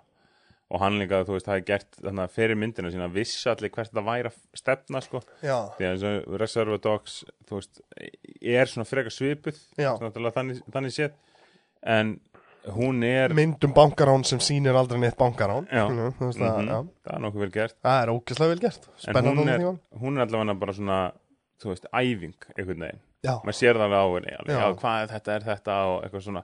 Og síðan Mm. ef maður er að horfa á hann alveg þú veist, já, ok, þetta er, þetta er margt af þessi er svolítið skrítið og, og það er ekki alveg sens eða, nei, nei, veist, og, og hérna Tim Roth er lögreglumæðurinn og hann deyr hann í lokin og eitthvað svona bla bla bla. Já, þú veist, og maður er alveg og síðan Quentin Tarantino tala um þetta eitthvað svona, þetta er sonur og pappi, þú veist, mynd hann þeir tveir hann í Já. lokin og eitthvað og maður alveg ég veist það, er það ekki. Ekki alveg sko. Me Mexican standoff Of, sem, veist, sem er líka ómas atrið í, mm í einhverju aðra mynd, ég man ekki hvaða mynd það var. Það var ekki bet Nei, það var ekki hún held ég. Þetta er sko af einhverju beðinu Já. að segja með Mexican stand-off líka. Já, en þetta atrið sérstaklega Já, já, er úr einhverju um, kýmveski gangsterbíómynd. Mm Þannig ég, var, ég sá þetta um daginn. Það er akkurat alveg eins atriði. Þú veist, svona Mexican stand-off atriði. En ég veit hvað atriði þið er að tala um. Það er bara, ef þið spáðu kvikmyndastílnum Hann er allt öðris í Good, the Bad and Ugly heldur en í Já, heldur en í, í, í uh, Reservoir Dogs. Þa, Þess vegna er þetta ekki, veit ég að þetta er ekki sama mm -hmm. Ef hann var að gera Omas fyrir Good, the Bad and Ugly Þá vitum við að hann myndi fara nákvæmlega eins í mhm. setupið það í Hvernig er það? Sko, Mexican stand-up þarf eiginlega að vera sko að þrjár hliða mætist og allar að berist fyrir sínu. Þau eru að drepa alla hina. Já, En þarna var það Þú veist, var hann ekki breytna móti þeim tveim? jú, jú, jú, Já, jú, þannig að þetta var eitthvað svona Já, þetta er ekki beint stand-off Nei, þá eiginlega, nei, nei, nei, algjörlega, en hann er með hérna. Já, og svo, það? Er, þannig fer það.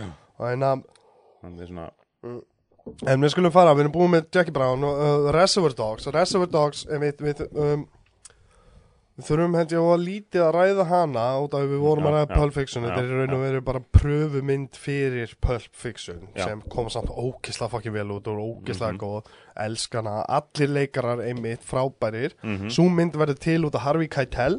Mhm, hann fær handritið. Mhm. Og bara eh, þessi mynd verður að vera gerð Já. það ennum byrjaði en Tarantino var með tvö önnur handrit á þeim tíma mhm. sem átt að vera fyrstu myndina hans. Ok, allavega eitt er Natural Born Killers?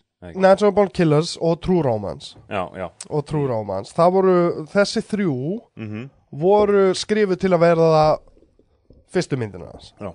Og þess vegna selur hann eftir að hann fær Res Reservoir Dogs í gang mhm. þess vegna selur hann handritina af hinnum Já, já.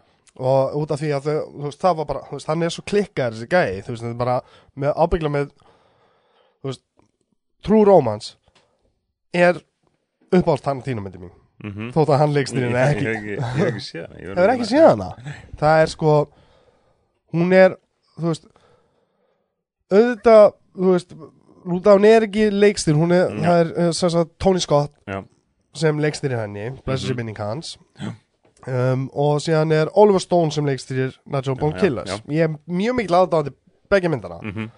Um, ég held ég fatti hvað hann á við með Natural Born Killers. Já, þú veist, Tarantino, ég held að ég fatti af hverju hann var óanað með hana. Já. Út af því að hún er henni breytt til að meika meiri sense. Eða, þú veist, vera meiri mainstream, normal bíómynd sko. og, en, og það er það sem Tarantino vil alls ekki. Mm Mhm. hann, hann vil að það sé sitt trademark. Um, um, True Romance er til er til Tarantinos cut og Tony Scott mm. cut. Það er til tvær útgáður af myndinni. Mm. um, og og persónulega held ég bara að þú veist að myndi var skotin eins og Tony Scott lagði upp með. Mhm. að gera, hún var ekki skrifuð eins og þú veist, hún var tekin og mixuð Já, tímalínunni en Tony Scott ræðaði tímalínunni rétt. Ok.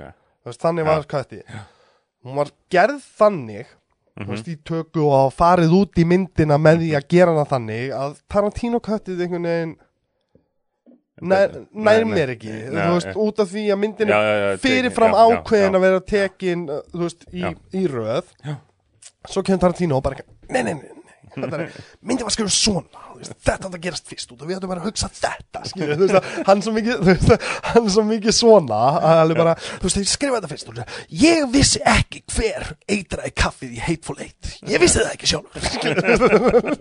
veist, ekki fyrir en að koma að ég fattaði það með svo, ég elska að hlusta á að tala hann svo yktur lefla og hérna en þú veist, hann skrifaði hana þannig en myndin var ekki tekin upp þannig Mhm. þannig að í köttinu þá finnst mér það ekki ganga upp eins og í Pulp Fiction Mhm. Pulp Fiction virkaði fullkomlega en í Tarantino köttinu af True Romance þá fannst mér, að, þú veist ég, ég allan að fíla meira Tony Scott útgáfana Já.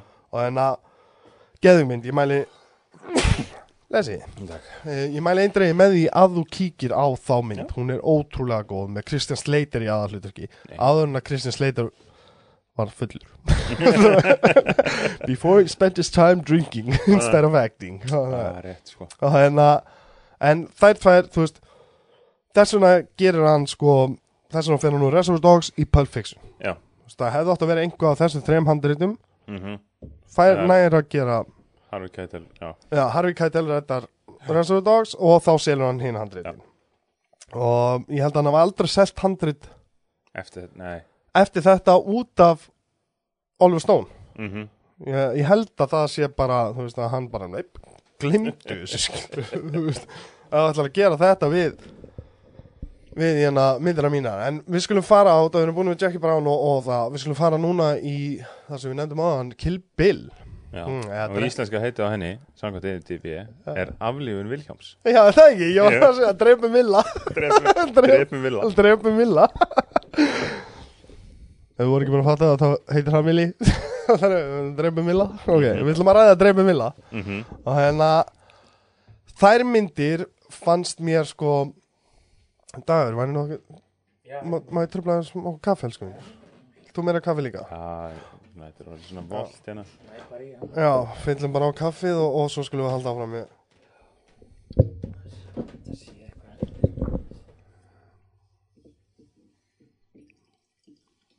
er eitthvað eftir þessu, er þetta ekki búið?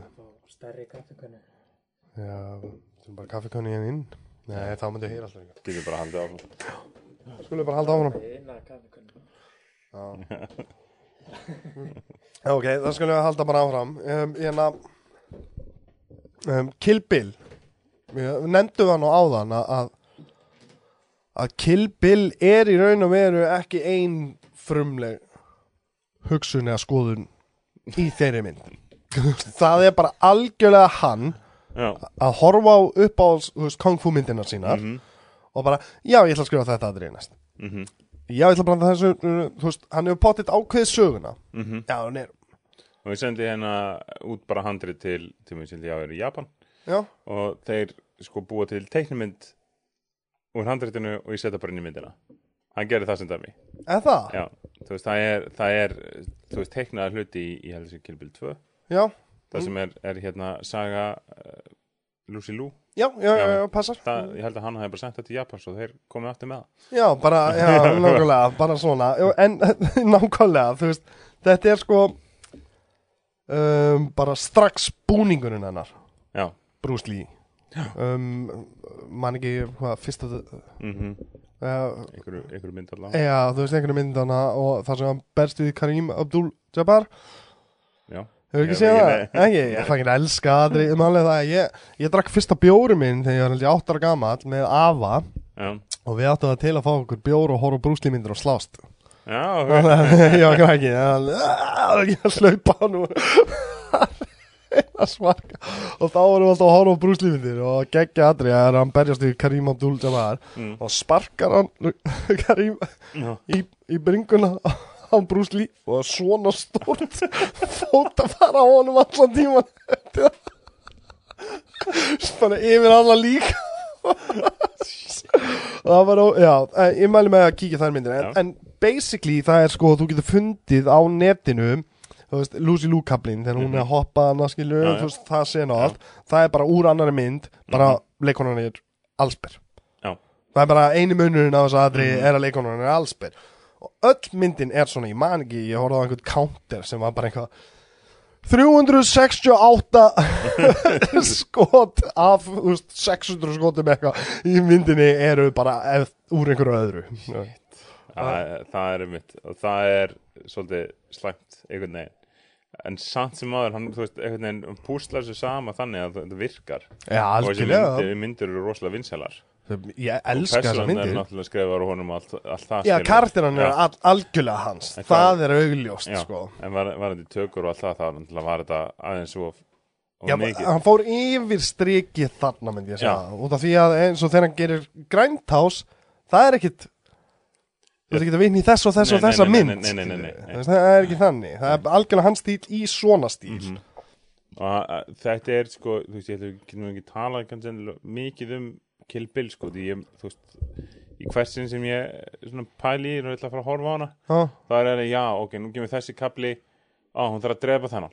Já, og síðan alveg, já, ég er búin að drepa þennan ég þarf að drepa hinn. Já, og síðan þarf að drepa hann þriða og maður er alveg, já, ok, þú veist, hún ætlar að hefna sín á öllum og maður er alveg, ok, þú veist, þetta er þetta er orðið svo langdri já, já, þetta er komið fjóri tímar Já, Þegar horfir á báðar, og sko. þráttur þetta veit hún ekkert hvað villi pressaðar er. Nei. og fer, tala við eitthvað svona hóru fóstupappans eða eitthvað, ég veit ekki alveg hvernig hún getur sagt sko, hann er, er, er já sem er fóstupappans og hann eitthvað, ég ætla að fara að tala við hann. Og, veist, og það er einn súrasta sena sem ég hef séð. Það er, Það, hver leikur hann að þér? það er, það er eitthvað svona gæi sem getur verið í, þú veist, auðlýsingum fyrir eitthvað skilur.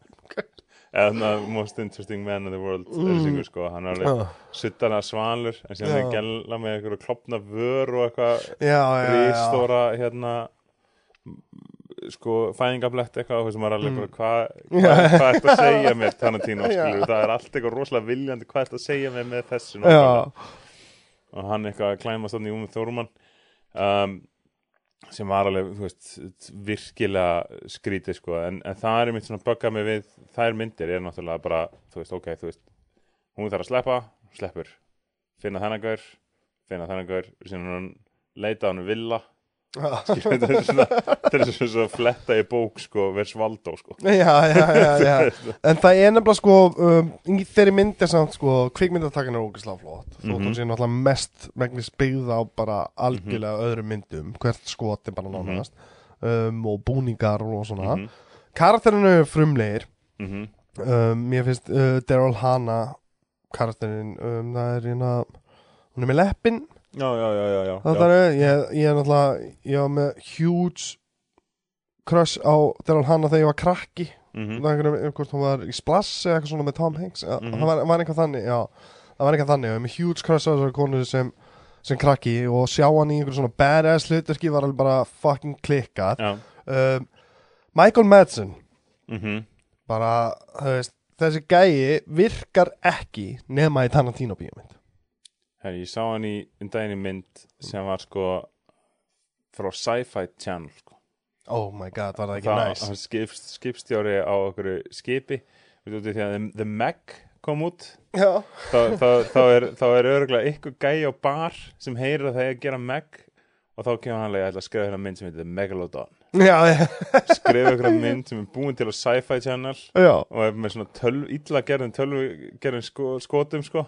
Ó, og hérna og, og þú veist, hann klift inn í eitthvað senur inni sem geta alveg verið tek, teknar upp í sko stöðvar ykkur, ykkur virkin á Íslandi skilur svo ógæslega kjána maður. Ég held í alvörinu stundum að þetta sé sko uh, hvað kallar maður? henni, sko. Hvað- þetta þetta er hvað kallast þetta?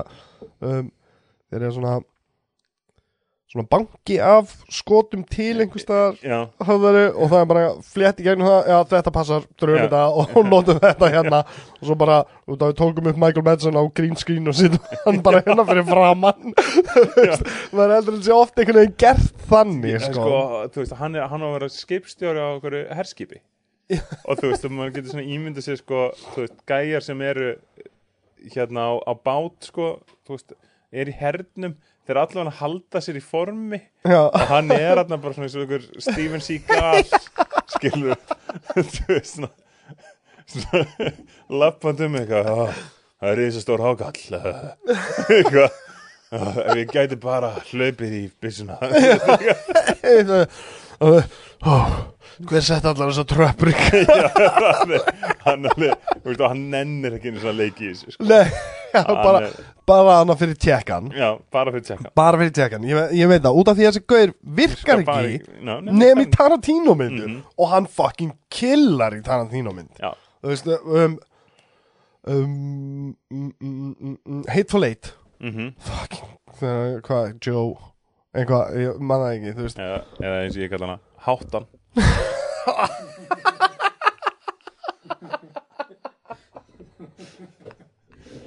Háttan, já, í háttunni í háttinni. Þá er hann hérna þá er hann bara geðveikt fucking badass. Já, Allir eitthvað, Writing a letter to my mother. Bara, Og virka svo ógeðslega vel Í, í Reservoir Dogs mhm. Stuck in the middle with Jú, you. hann virkar, virkar vel það líka. Geðveikur þar, skera á eirað og að Þetta er hérna Sko Svo einmitt leikur hann í veist, Species. Já, já, já, já, já, hann er alveg sem var eitthvað, þú veist bara sem er einn versta geimmurmynd sem hefur verið gerð Ég þurfa að veðja að hann býr í sko svona hjólísi fyrir utan heimilið Tarantínos. Og er bara, hann er að fara, hann er að fara út. Já, alveg, þú getur náð honum. Já, nei. Do you have a Do you have a part for me in your movie? að Því vil til að sjá þig hér maður. Ég var að mynda leiðin í ríkið sko. Já, ég myndi ef ég var að fara að fá okkur kaldan. Æ, ekki þú nokkuð með 20 dólar til að lána mér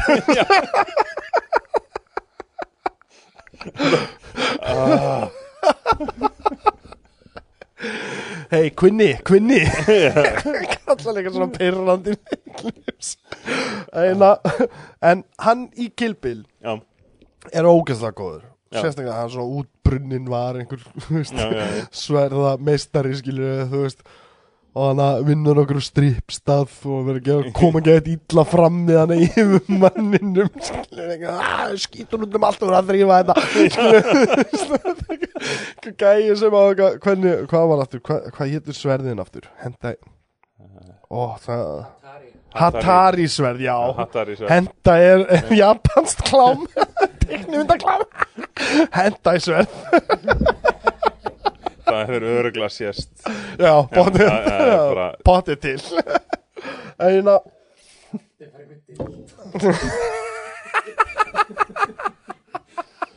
Það svo að skaftið væri dild Ná, já, Hatari sverð Og hann er gert af einhvernum rosa veist, Já, sverðsmið. Já. Og hérna Og hann I hacked Sér er einhvern búin að því sem er bara snild sko Já, sem, þú veist, út af því að hann er alveg með miklu meira ja, hann er dýpri persóna heldur en þetta það Mhm. fannst mér einmitt, svo, þú veist, hann var ekkert búin að Mhm, selja, þú veist, þetta er bara eitthvað svo hann sagði til að mynd, gera þess að mynda sig sem útbrunin, Já, en þegar hann hefði þurft á því að halda Já. það átt hann til Já. þú veist, og og vissi verðmæti Sverð- sverðsins já, í alvörun Mhm. þú veist, það var miklu meira virði heldur en nokkuð tíman eitthvað sem hann getur látið frá sér Mhm. Og en að geðvíkari þeirri mynd. Allir karakterinn er náttúrulega David Carradine. Mm. blessun sér minning hans. Þannig að he went out like a fucking champ. Skilu, þú veist, það er bara get ekki annað uh, respect. Er svo- ég ber virðingu fyrir mönnum sem bara le, taka það svona áhættu með lífsitt Hvað- Ég veit ekki hver það ó, hann fannst í kvennmanns fötum hangandinn í skápa stund og sjálfsfróðun Já. Þetta er svona, hvað heitir þetta? Uh, uh, erotic asphyxi- asphyxiation eitthvað, eitthvað, þú veist það sem er það sem þetta hengið á meðan þetta Mhm, rungar mhm, og hann dóð þannig, mhm. 70 ára gammal er svona ég segja bara respect, respect fyrir það maður. Þú veist að vera 70 ára gammal en þá kip í hann skilu, og hvað þá bara á svona ekstrím Já, ég meina, þú veist, hann er orðin, eftir 70 ára og leiður og hinni aðferðinni. Já, einmitt, þú veist það er ekki skrítið að komin að þetta var búið, að- að þróast einhvað hjá honum sko. Uh, en ég, en að þú veist, hann var frábær í þessari mynd. Já, og þú veist, ég man eftir að horfa á hann í einhverju mynd sem eitthvað, þú veist, ekki The Town that Showdown of Empire Story eitthvað þannig sem er bara fucking shit mynd veist, sem Mhm. er svona eins og svona, hvort að Bruce Campbell hafi verið með honum í henni svona gömlu, lélu shit myndina sem er ógslag skemmtilegar mhm, upp á gríni að gera en, Mhm. en ferillin var alveg farin hjá þessum manni mhm. og Tarantino bjarga honum Já. þannig, eins og hann er. Það tekur þessar gömlu, gömlu kempur sko oft. Og breyti lífinu þeirra. Mhm. þú veist og hann gerði það við John Travolta vildi enginn ráða hann út af því að að John Travolta var uh, uh, dansandi singalong-gaur. Mhm, og það var búið. Þú veist það var nei, nei, nei, þetta er búið mm Mhm. nennum þess ekki. Og Tarantino bara, hvað það var þessi gangster skilu Já, setur hann líka bara í senu það sem hann er dansandi já, það já, bara, nýti þú veist, það það, er bara, já, þú veist. Nýti Hérna það hérna bara sjá við John Travolta dansa. Já, það, er, það er rosalega flott flott dæmi sko. Og álíka hátt sem er sko trúverðu fyrir já, Þú veist, þetta er ekkit, þú veist, þetta er ekkit eitthvað ja, við verðum að fá hann til að dansa. Nei, nei, það var bara dansandir ég skrifa fyrir hann að karakter, skilur þú veist, nú er nú ég með John Travolta í þessu Mhm, þannig að hann dansar, mér finnst það geðvikt og hann að ógeðslega flott, það er flott útskýringin þegar að Tarantino til viðtal við hann þar sem hann Já. útskýra hvað hann var að hugsa með veist, Mhm. það var að hann að kattamyndin hann, Mhm. það var Uma Thurman já, og hann var hérna ó, ég man ekki John Travolta var en það var eitthvað, þú veist, það var að vera að vinna í eitthvað, einhver Mhm. að dansa úr einhverju, þú veist, þannig að úr bæði teiknumynd og einhvern einu öðru og hérna og hann gerði það við John Travolta hann gerði það við um, Bruce Willis Bruce Willis, já, þú veist hann eiginlega að gera aftur fyrir Bruce Willis og það er múin að horfa á Nei, nýjustu Bruce. Willis nenni því, sko. Ég, bara, það, ég held að engin annan nenni Bruce Willis. Nei, það er bara orðið þannig, það Já. nennir engin Bruce Willis í dag sko. ég myndi aldrei fá hann að manni mynd hjá mér. Stallone nenni því ekki eins og sko. Nei, Stallone nenni því ekki. og hann er að gera fangin Expendables 4 hann er ábygglega búin að skrifa Bruce Willis úr. Já, ég, já, úr myndunum, hann kemur ekki í þessari mynd sko. þú veist, og, hérna, og mér finnst það ekkert skrítið ég meina, þú veist, að heyra þessar sögur þú veist, heyra Kevin Smith tala um Já, hvernig það var í Cop-Out. Fyrsta daginn lappa Bruce Willis að Kevin Smith. Þú veist, þetta er myndin hans Kevin Smith. Ég, ég skilða Bruce Willis er reyndur actionstar og allt það, já, en hann lappar á honum tekur skotlistan handrið skotlistan og rýfur úr blaðsjur réttir honum blaðsjunar og hendi þessu, við erum að skjóta þetta í dag og lappar hann í burtu, og hann bara fyrsta daginn lendir Kevin Smith í því bara kleikarinn tekur á honum. Og segir bara við erum bara að skjóta þetta í dag allt hitt verður klift hvað sem er þannig að við þurfum ekkert að taka þetta. Og hann bara erum við ekki að gera hei, hver er búin að vera að taka upp hasa myndi lengur? Hérna, skilju, þú veist, og var bara svona við hann allan tíman á setta myndinni. Hann, hann var sko í dagar fjögur eða fimm Shit, það eru konið svo mikið sko. Já. og það er viðtal við hann í breskum þætti sem, Ha. þú veist, þáttastöðunir eru bara eitthvað já, þú veist, það er alveg frábær í þessari mynd og eitthvað. Ha. og Bruce Willis veit að þetta er skítur sko sem já, eitthvað, já. Og þeir getur spilað á harmon okkur fyrir okkur. Hann eitthvað nei, oh, you please? Já, já rétti tilbaka þetta er alltaf þetta er svo fára það vandræðilegt sko. alveg nennir ekkert nennir ekki að promóta myndina en eitt svona. Já. málið það að, að um, númer fjögur var upprunnilega upprunnilega handrið af númer þrjú. Já, já, já. það var já, handrið af númer þrjú og síðan fór að rýræts og svona og endaði með því að vera þetta var fimm, já, sem hann að þau farið til Rússlands og eitthvað. Það er, Það- svo það- mynd það er náttúrulega bara já, hún bara, hörmur sko. Já, hún er bara hætti að setja Jai Courtney í allt. Ég hætti að reyna að fá hann til að vera eitthvað. Það, það fílar enginn hann að leikara. Ég hef aldrei heyrt nefnir eitthvað yes, Jai Courtney er í þessari mynd. Þú veist bara glimti og það er aldrei að fara að vera. Allar myndir sem hann gerir verða bæði flops og bæði critical og box office flops. Mhm. um, hann er með monotón karakter Mhm. og á- ógeðslega einhlega ég held að hann get ekki hugsað dýbra það er ábygglega fínasti gaur og allt það hann, hann, var í, hann var í Spartacus þáttunum. Og þar var hann allavega eitthvað djúpur sko já, en, já, já, já. en síðan náttúrulega bara, þú veist, þeir sláttur á hann að maður fekk En leið á hann sko. já, en hann var side karakter. Já, í þeim þáttum. Já, það er allt annað. Það- Við erum ekki að tala um Hann var ekki að halda uppi þáttunum allan tíman Emmanuel Bennett var líka í þessum þáttum eða ekki? Næsta mynd með Quentin Tarantino verður örugglega með Jai Courtney. Já, og hann geti samt Hann geti, hann geti gert eitthvað. Þú veist, ég meina um, Hvað hva heitir hann, ég nam uh, Dr. Kingslew's uh, um, Í Inglourious Bastard Jew Hunterinn Já.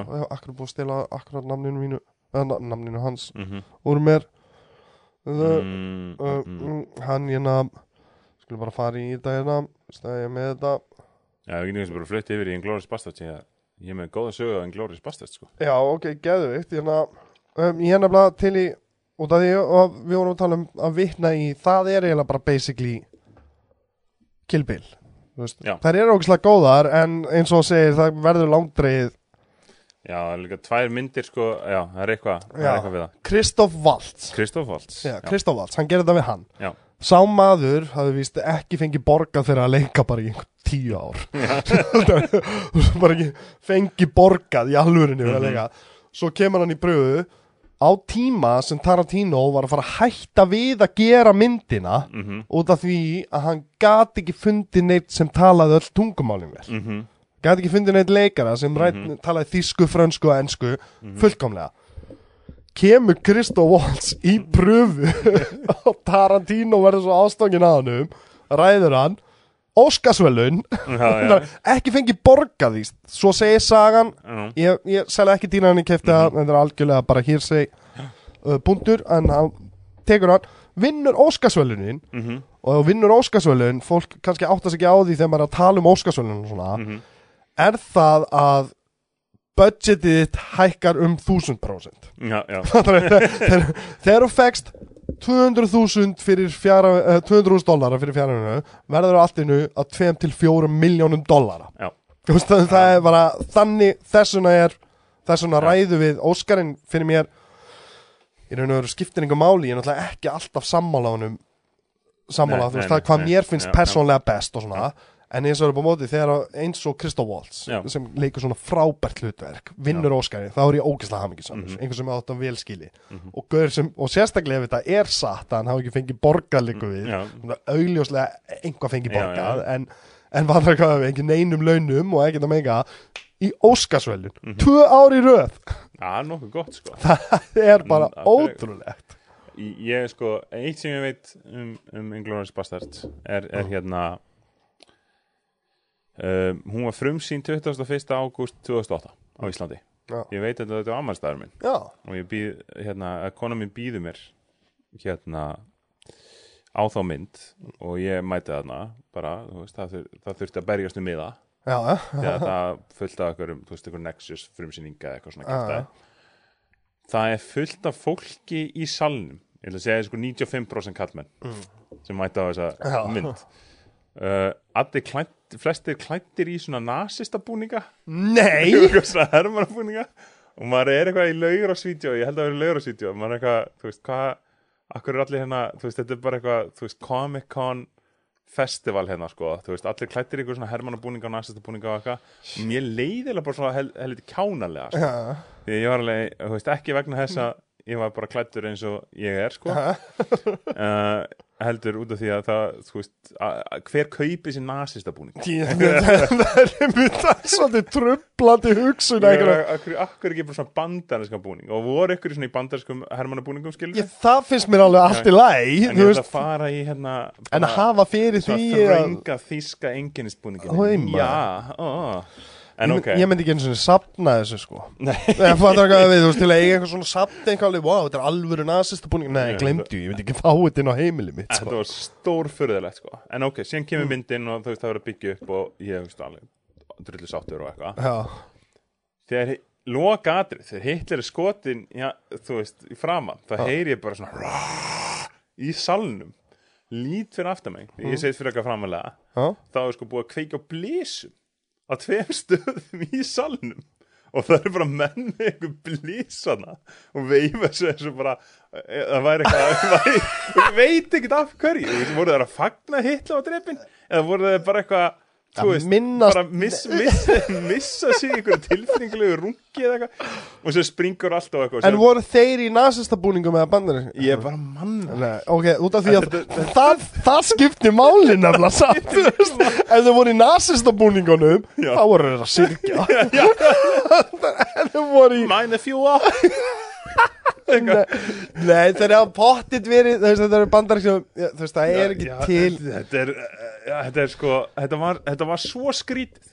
Það, Ég trú ekki Vili, Já. ég neita trúa að það sé til nasista, það er til einhverju hálfvitar Já. en það er ekki til samfélag nasista á Íslandi sem voru allir marga ég verð að sjá Tarantino myndina skilu, en skilu, Ég- þú veist, ég, ég sko- neita að trúa því. Nei, en það, það er mitt máli sko. ég, ég, ég fór inn á stjórnmálaspjallið því að mér finnst ógeðslega gaman að fylgjast með fólki spjalla. Já, ég, ég hætti, ég fór það út af. Já, ég sko var þrjá daga og þá var þetta út, út af hérna þú veist þessum innflytinu sem voru að tjálta hérna á Östuvelli Já, og já, já, já. Þjóðfylkingin, íslenska þjóðfylkingin. Eitthvað, já, félagar við ætlum að fara hana niður hættir og við ætlum að berja nýbúa eitthvað svona. Og maður bara eitthvað er þetta? Í alveg og sem já. mættur þarna eitthvað svona gammalt fólk eitthvað, alveg þetta var glæsilegt. Hann Siggi Fánaberi er mikill maður. Og eitthvað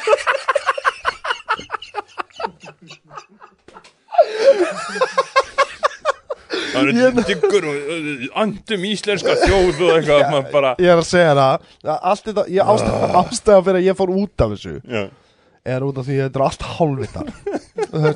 Sorry, þetta er bara allt veist, bara fyrir ekki alveg sama þeir sem eru hann og komið góða punta. Já, þeir eru hálfvitar líka.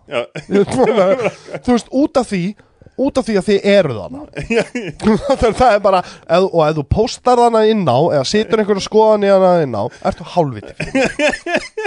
Það er bara, mér er alveg sama þótt að ég væri sammála þessari skoðun. Já, já, já, það er bara að þú tekur þátt í þessu ertu hálfviti. Og ég segja híklust hérna, þú veist, fólk eins og uh, Margaret Friedrichs og þetta Mhm. um, þú veist, hún til dæmis já. Hún var með blísat, nei en hún til, hún til dæmis er alltaf að tala um eitthvað þú veist uh, um, uh, the chosen people fattar þú veist í, í, í Palestínu eða Íran eða eitthvað, þú veist, eitthvað svona Já, já. sem er byggt út frá einhvernum kristinlegum trúar skoðunum hennar Já, já. þú veist og hún er bara sannfærð þú veist, ég veit ekkert hvort það sé rétt eða rámt eða neitt sem hún er að segja, ég er ekki, ég er ekki að tala um það. Ég er bara að tala um hversu geðsjú konan er að vera, þú veist, og bara fyrir mér allir sem eru svona kristintrúa þú veist, eru geðsjúkir þú veist ef þú heldur að ég sé að fara að brenna í helvíti út af því að ég trú ekki á Jésu Krist og eitthvað svona að hérna, þá ertu geðsjúkur það er í alvegni ef þú bara, ef þú heldur það að eftir að við erum döð eftir að við erum búin með það sem er í gangi hérna. Að ég sem bara einhvern rauður gæi að fara að stinga upp í rassin á mér það sem eftir að eiliðinni, það ertu geðveikur. Það er bara, þú veist, fólk- verður einhvern veginn að lifa. Já, en þú veist hvað ég á við. Já, það, það er mín sko, og ég meina það ekki. Ég, ég, ég full stið það að allir hafi sína trú um, ég hef mína trú sem bjargaði lífinu mínu, ég er ekki að setja neitt út af fólk sem trú. En ef þú ætla til, ætlast til þess að ég hafi rámt fyrir mér og ég sé hálfviti út af því að ég trú ekki því sem þú trúir mm þá, þá ertu hálfviti.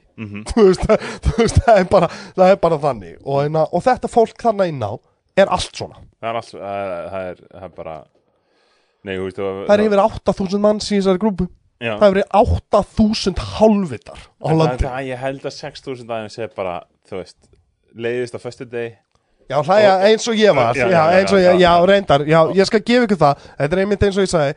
Ég, ég skrifaði mér þess að færslu á Facebook tjóðan Ég vil bara óska öllum mínum eh, öllum 1400 vinum mínum á Facebook til hamingju og það ég er ótrúlega stoltur á ykkur því að enginn á ykkur póstar inn á stjórnmálaspjallin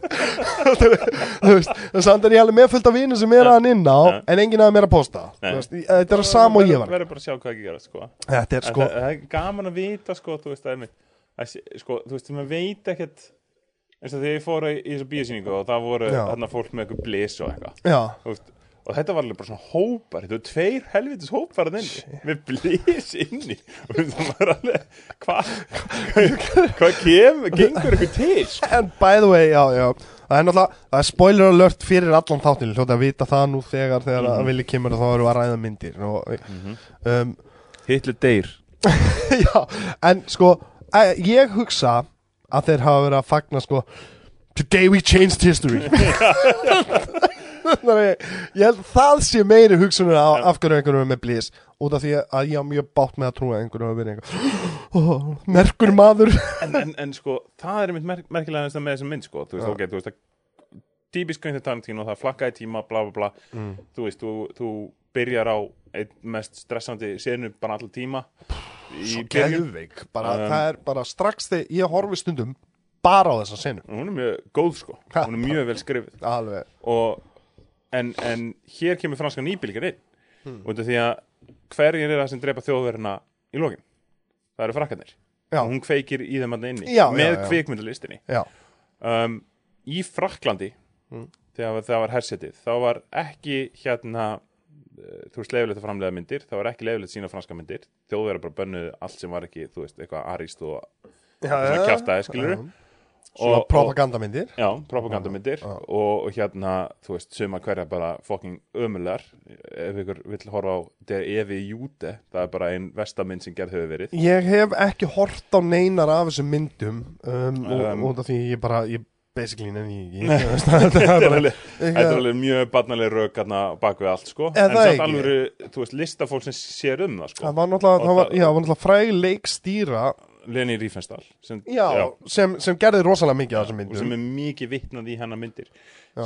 en málið er að myndirna voru bannar um, síðan eftir hérna stríð. Þá er náttúrulega bandiski hérna komin inn. Og þá fá frakkar bara svona pakka sendingar á okkur svona gullaldar bíómyndu frá Hollywood.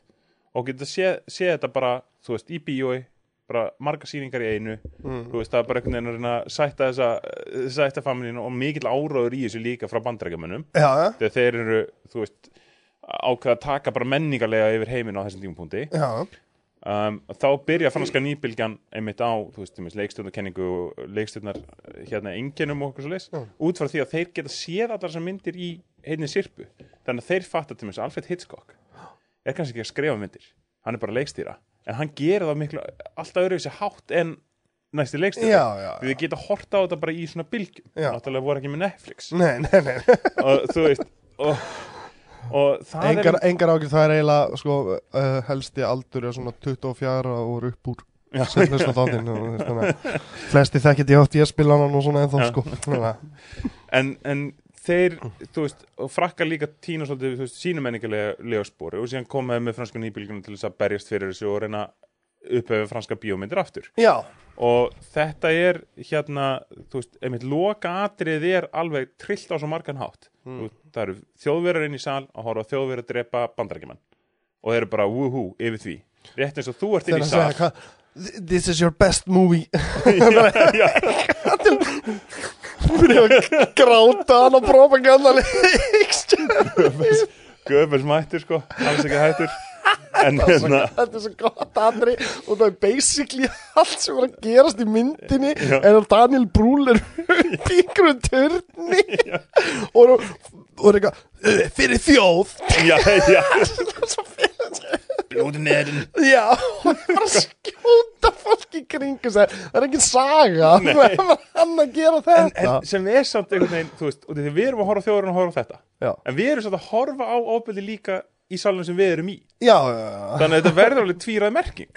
Alveg, ok. Og, og Tarantino er svolítið að gaggrina alla með þessu. Mm. við erum alveg eins og þjóðverðinir sem eru að njóta sín í blópaði Þú veist, að byrja já, blópaðið já. og menn er hérna með blís og eitthvað svona já, ég já. hef gæði sem eru með blísin sko. þeir myndu aldrei kveikja á þessu Nei, nei, nei, nei, það er verið að gera grína því Já, sem, er að gera, sem er verið að gera held að Tarantino horfi svolítið líka bara niður á fólk sem er bara þú veist, hérna sem, sem sérstaklega sko Já, veist, gaggrinir rosalega mikið ofbeldi Þetta er Já. eins og Nikolás myndi grept sem er eitthvað ofbeldi er eins og kynlíf eitthvað svona, þú veist, Já, kjátaði sko. já, já. Þetta er alltaf upp á uppbygginguna og eitthvað svona kjátaði skilur Já, já. Hann er, þú veist, virkilega ef maður svona pælir í því hann er ekkert að, þú veist framfylgja ofbeldi þannig séð, það sé mikið í myndinni. Hún er finnst það alveg ránt já algjörlega, hún finnst alvöru ofbeldi rámt, þú veist, þetta er eins og hann segir við, ég var að horfa viðtal við hann til að, að við förum og höldum meira um ynglóðisverða, ég var að horfa viðtal við hann. Það svo hann bara ekki, akkur er svona mikið ofbeldi í myndinu, hann bara Because it's fun. It's a great movie for kids. Skilu, þú veist, það er bara Þú veist, bara í andlítinu á henni, skilu þú veist, Og veistu það, ég er bara, ég er bara hjartanlega samanlega Veistu það, að Ég er á því Mhm. að, þú veist, auðvitað það er vissi hlutir sem ég leifi dóttir minni ekki að horfa á. Mhm. Þú veist, ég, ég er ekki að horfa á á nei, hróðleika myndir eða svona. Nei. en ég horfa á Stranger Things með henni Mhm. til dæmis, hún er, hún er nýjára gömul ég horfa á Stranger Things með henni. Mhm. og Stranger Things er alveg fucking scary fyrir krakka. Já, bara á nýjara gamalt Mhm. barn. Um, Mér fannst svo geðveikt, ég, ég hlusta ofta á hérna, til að plugga annað podcast The, The Movie Crypt sem Já. er með Adam Green leikstjóra Hatchet og, og svona og hérna, svona B leikstjóri en, en rosalega klár og góður. Og hérna og hann færir alls konar, þú veist, Kane Hodder og allt svona, þú veist, til sín og, og hérna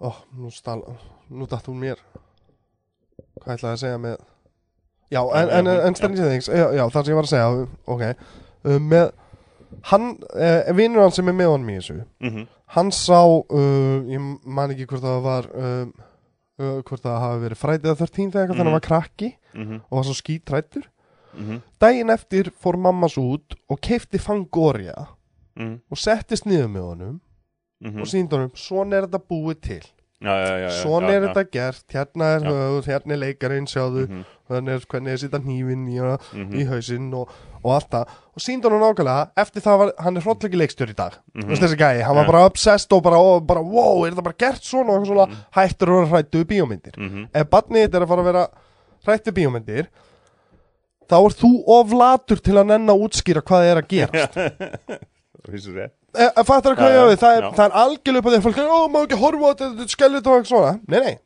þú Mhm. er bara of latur til að nenn að fara að sitja sniður með barninu þínu Mhm. og útskýra nákvæmlega hvernig þetta er gert hvað þetta er að gera, hvað það þýðir og síninni þetta er leikarinn sem dói í myndinni, sjá hann er hérna. Hann er að leika í öðrum myndum. Þú veist, fattar, þú veist, það er alltaf næg með hann svona gerir þetta, þetta er gert, þú veist atri úr, úr The Thing, þetta er gert með bubblegum og, Já, já, já, já. og, og plastiskilu þú veist, það, þú var bara að sitja sniður og útskýra með barninu. Ég Mhm. gerði það með mæju Mhm. og sko hún á popdúku af Eleven veist, Ja. við erum með veist, Welcome to the Upside Down Ja. hún er bara obsessed á, Á þetta á já, Stranger já, Things já, núna og finnst þetta bara geðvikt hún er Mhm. ekkert rættið þetta veist, og svona og það er bara að ég sitt alltaf, alltaf þegar ef við horfum á eitthvað svona Mhm.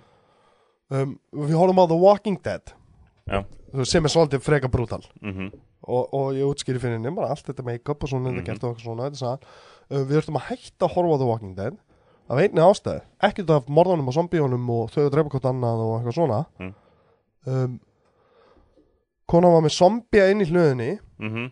og hún braut löppin á hænu Já, bara- já, það og barnið mitt þoldi það ekki. Nei, veist, og það segir allt um barnið mitt. Þetta er indisli góð stelpa og ég skil það vel út af því að, að þarna var í raun og veru fyrst skipti sem ég var, þú, þú veist, lendi í vandræðum.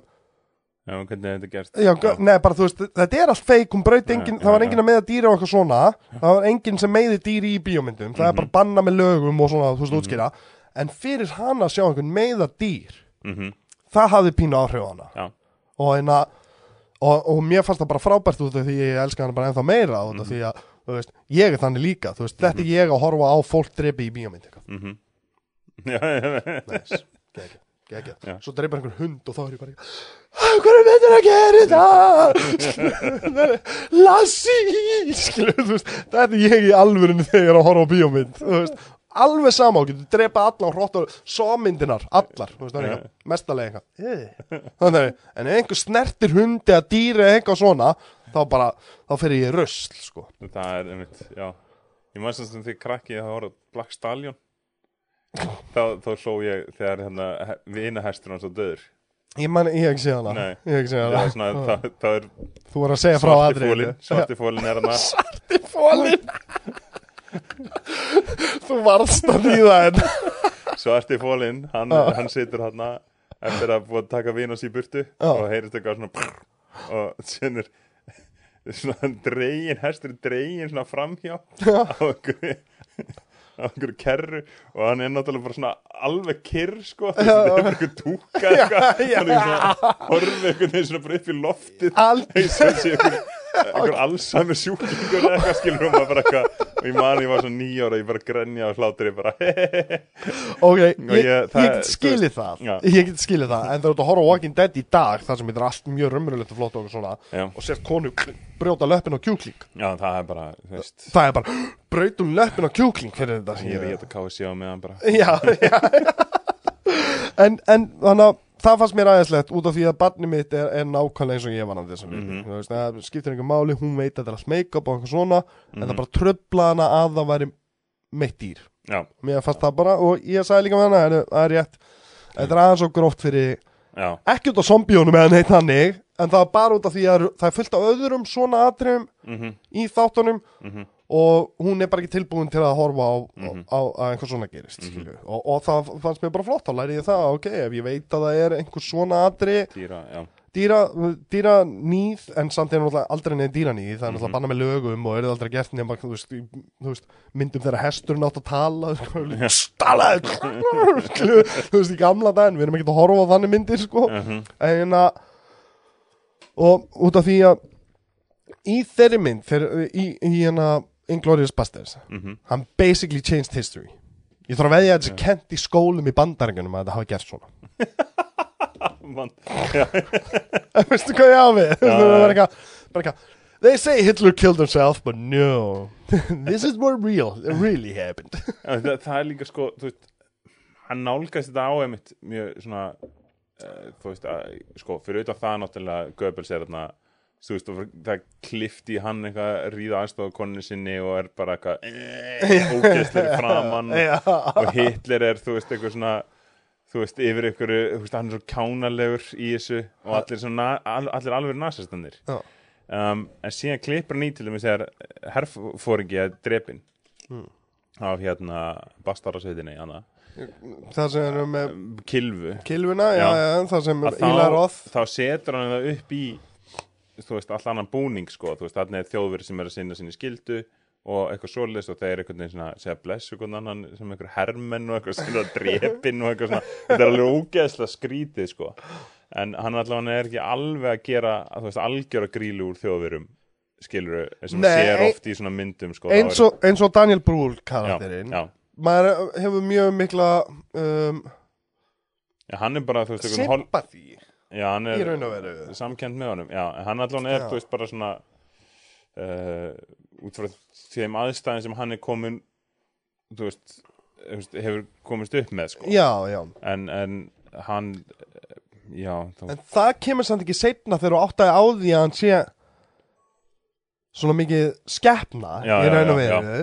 En þá er þetta alveg með samúð með honum út af því að hann er svona einhvern veginn eins og sé leikari og er bara, þú veist mhm, er bara að gera, þú veist, er hérna og nú er Jóni frægur og, mhm. og þú veist, ég er ógæslega skotin í þér Mm, en já, skilur, já, þú veist, já. og maður, maður er einhvern svona nei, dúlla, svo er hann bara eitthvað svo er hann bara eitthvað búin að vera að drepa 300 mannsum í ykkur svona og séðan þegar hún vill hann ekki að vera að berja hana inn í, inn í dæminu og þá er það alveg bara wow. Þú veist, hann er bara fucking eh, þetta er nazisti bara, þetta er bara alvöru nazisti og Kristoff Holtz kemst líka upp með það að vera heillandi, sko. Þú hann veist, er rosalega mikill sjarmer mjög mikið sjálfur, sko. En er, þú veist, og er það versta sem til er hann er svona, þú veist, rökréttur nazisti. Já, og já, hann já, alveg að get fundið gengarnótið því ég veit hvernig þeir hugsa. Já. og þú veist, ég set mig í þeirra spór allir hinnir setja sig ekki í einhver spór og þú veist, og er alveg að tala um eitthvað svona já, réttlætiskend einhvern veginn, þú veist, ég er bara að vinna vinninu mína.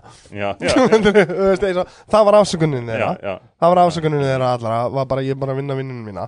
Sem er svo sem er svo veist, af þetta er svo erfið aðstæða til að taka út af því að eflust sumir mhm, voru bara að vinna vinnuna sína mhm, þú veist, það var alveg annarkvæmt ger ég. Þetta bara, fucking, þú veist, ég er bara útskúfaður úr landinu mínu. Mhm. Og en að og það er að flýja og eitthvað svona, já, börn og, þú veist, og er alveg bara, þú veist, maður er líka að hugsa það síðan eru sumir bara sem bara eitthvað, ó, ertu ekki að grínast? Ég get bara fucking komist upp með allt sem hefur drengt um að gera og nágrannum minn og allt þetta. Mhm, og, og, hérna, og það er vinna mín. Mhm. Veist, það er alveg bara pottið báðir pólanir já, já, já, njó, njóta sín inn að þess þú veist, já, að þetta er búið að vera einmitt, að maður lesir eftirhaldin í Núrenberg og eitthvað svo leiðis já, en ég hef ekki lesið hvað, þú veist, hérna Núrenbergar rétt, réttarhaldin sem Já. voru yfir, þú veist, strísklapamönnum nazista já, að þá voru margir alveg, já, ég bara að vinna vinnuna mína og eitthvað svo leiðis já, og þá þurfti að finna mjög, þú veist, lagalega flóknar leiðir til þess að sína sko, ok, þú veist, þetta er vinnaðinn. Hvena fóstu fram úr vinnunni til þess að gera eitthvað slæmt? Já, já, það er ekki eins og himmel Var ekki himmel sem var hægri höndin uh, Hans hitla að segja eitthvað Það ekki- Himmler, já. Himmler, Himmler, já, Himmler sem hann að í, hvað var það í í hann að döðu fyrir réttarhaldin allan já, já, en, en það var hann að hann var gerður í hvað hétt hún aftur hérna með, með hérna Sindlers list já, já, já, já, já. þegar hann- vaknar þannig skilja, Já, já, já, og byrja það- að það, það var annar gæði, það var ekki Himmler var það ekki eh, Hi- eh, Himmler var yfirmann hjá SS en Já. hann var yfir útrýmingunni en það var samt annar gæði sem, sem svo myndi byggða Já, ok, ok, en, en ég var einmitt að hugsa skilju, þú veist, þarna ertu komin langt fram yfir Já, að vera að vinna á vinnuna. Þetta var svona dæmi gert um hverjir fóru lengst yfir strikið skilju, þú veist, eflust þeir sem voru undir í felum það Já. er að reyna að komast ekki hérna þeir voru bara að vinna á vinnuna sína og þetta var, þú veist, einmitt, eins og því Núrenberg skilur Já. um, Karl Dönut sem var yfirmann tíska hérna flótans Já. hann var í réttarhaldin og það var alveg sagt alveg, já, herri, hérna, þú veist, hérna hefur þú fyrirskipað að sjóarar sem, veist, tísku kapl skít, skítur eitthvað skip Mm. og þið björguðu ekki þeim sem lifðu af þú veist, að hafa skotið það og þá getur Karl Döni sagt, já, en þið gerðu ekki heldur í þessu hérna dæmi þú veist, í Japan skilur og þá þurfa, þú veist, dómarinn að segja já, ok, þá getum við ekki dæmt þig fyrir það.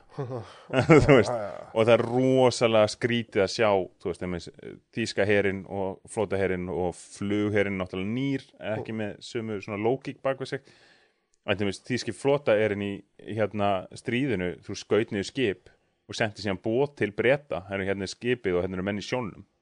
Bless bless, þú veist, við, við erum farnir að skjóta ykkur önnur skip, en þið geta allavega komið hinga og bjarga þeim, sko þannig að það, það var allavega eitthvað í, í stríðinu Já, já. þú veist, uh, allavega eitthvað svona heiðarleiki ethics einhvern veginn sko sem, veist, sem eflaust um, og var, þeir björguðu stundumönnum sko í byrjun.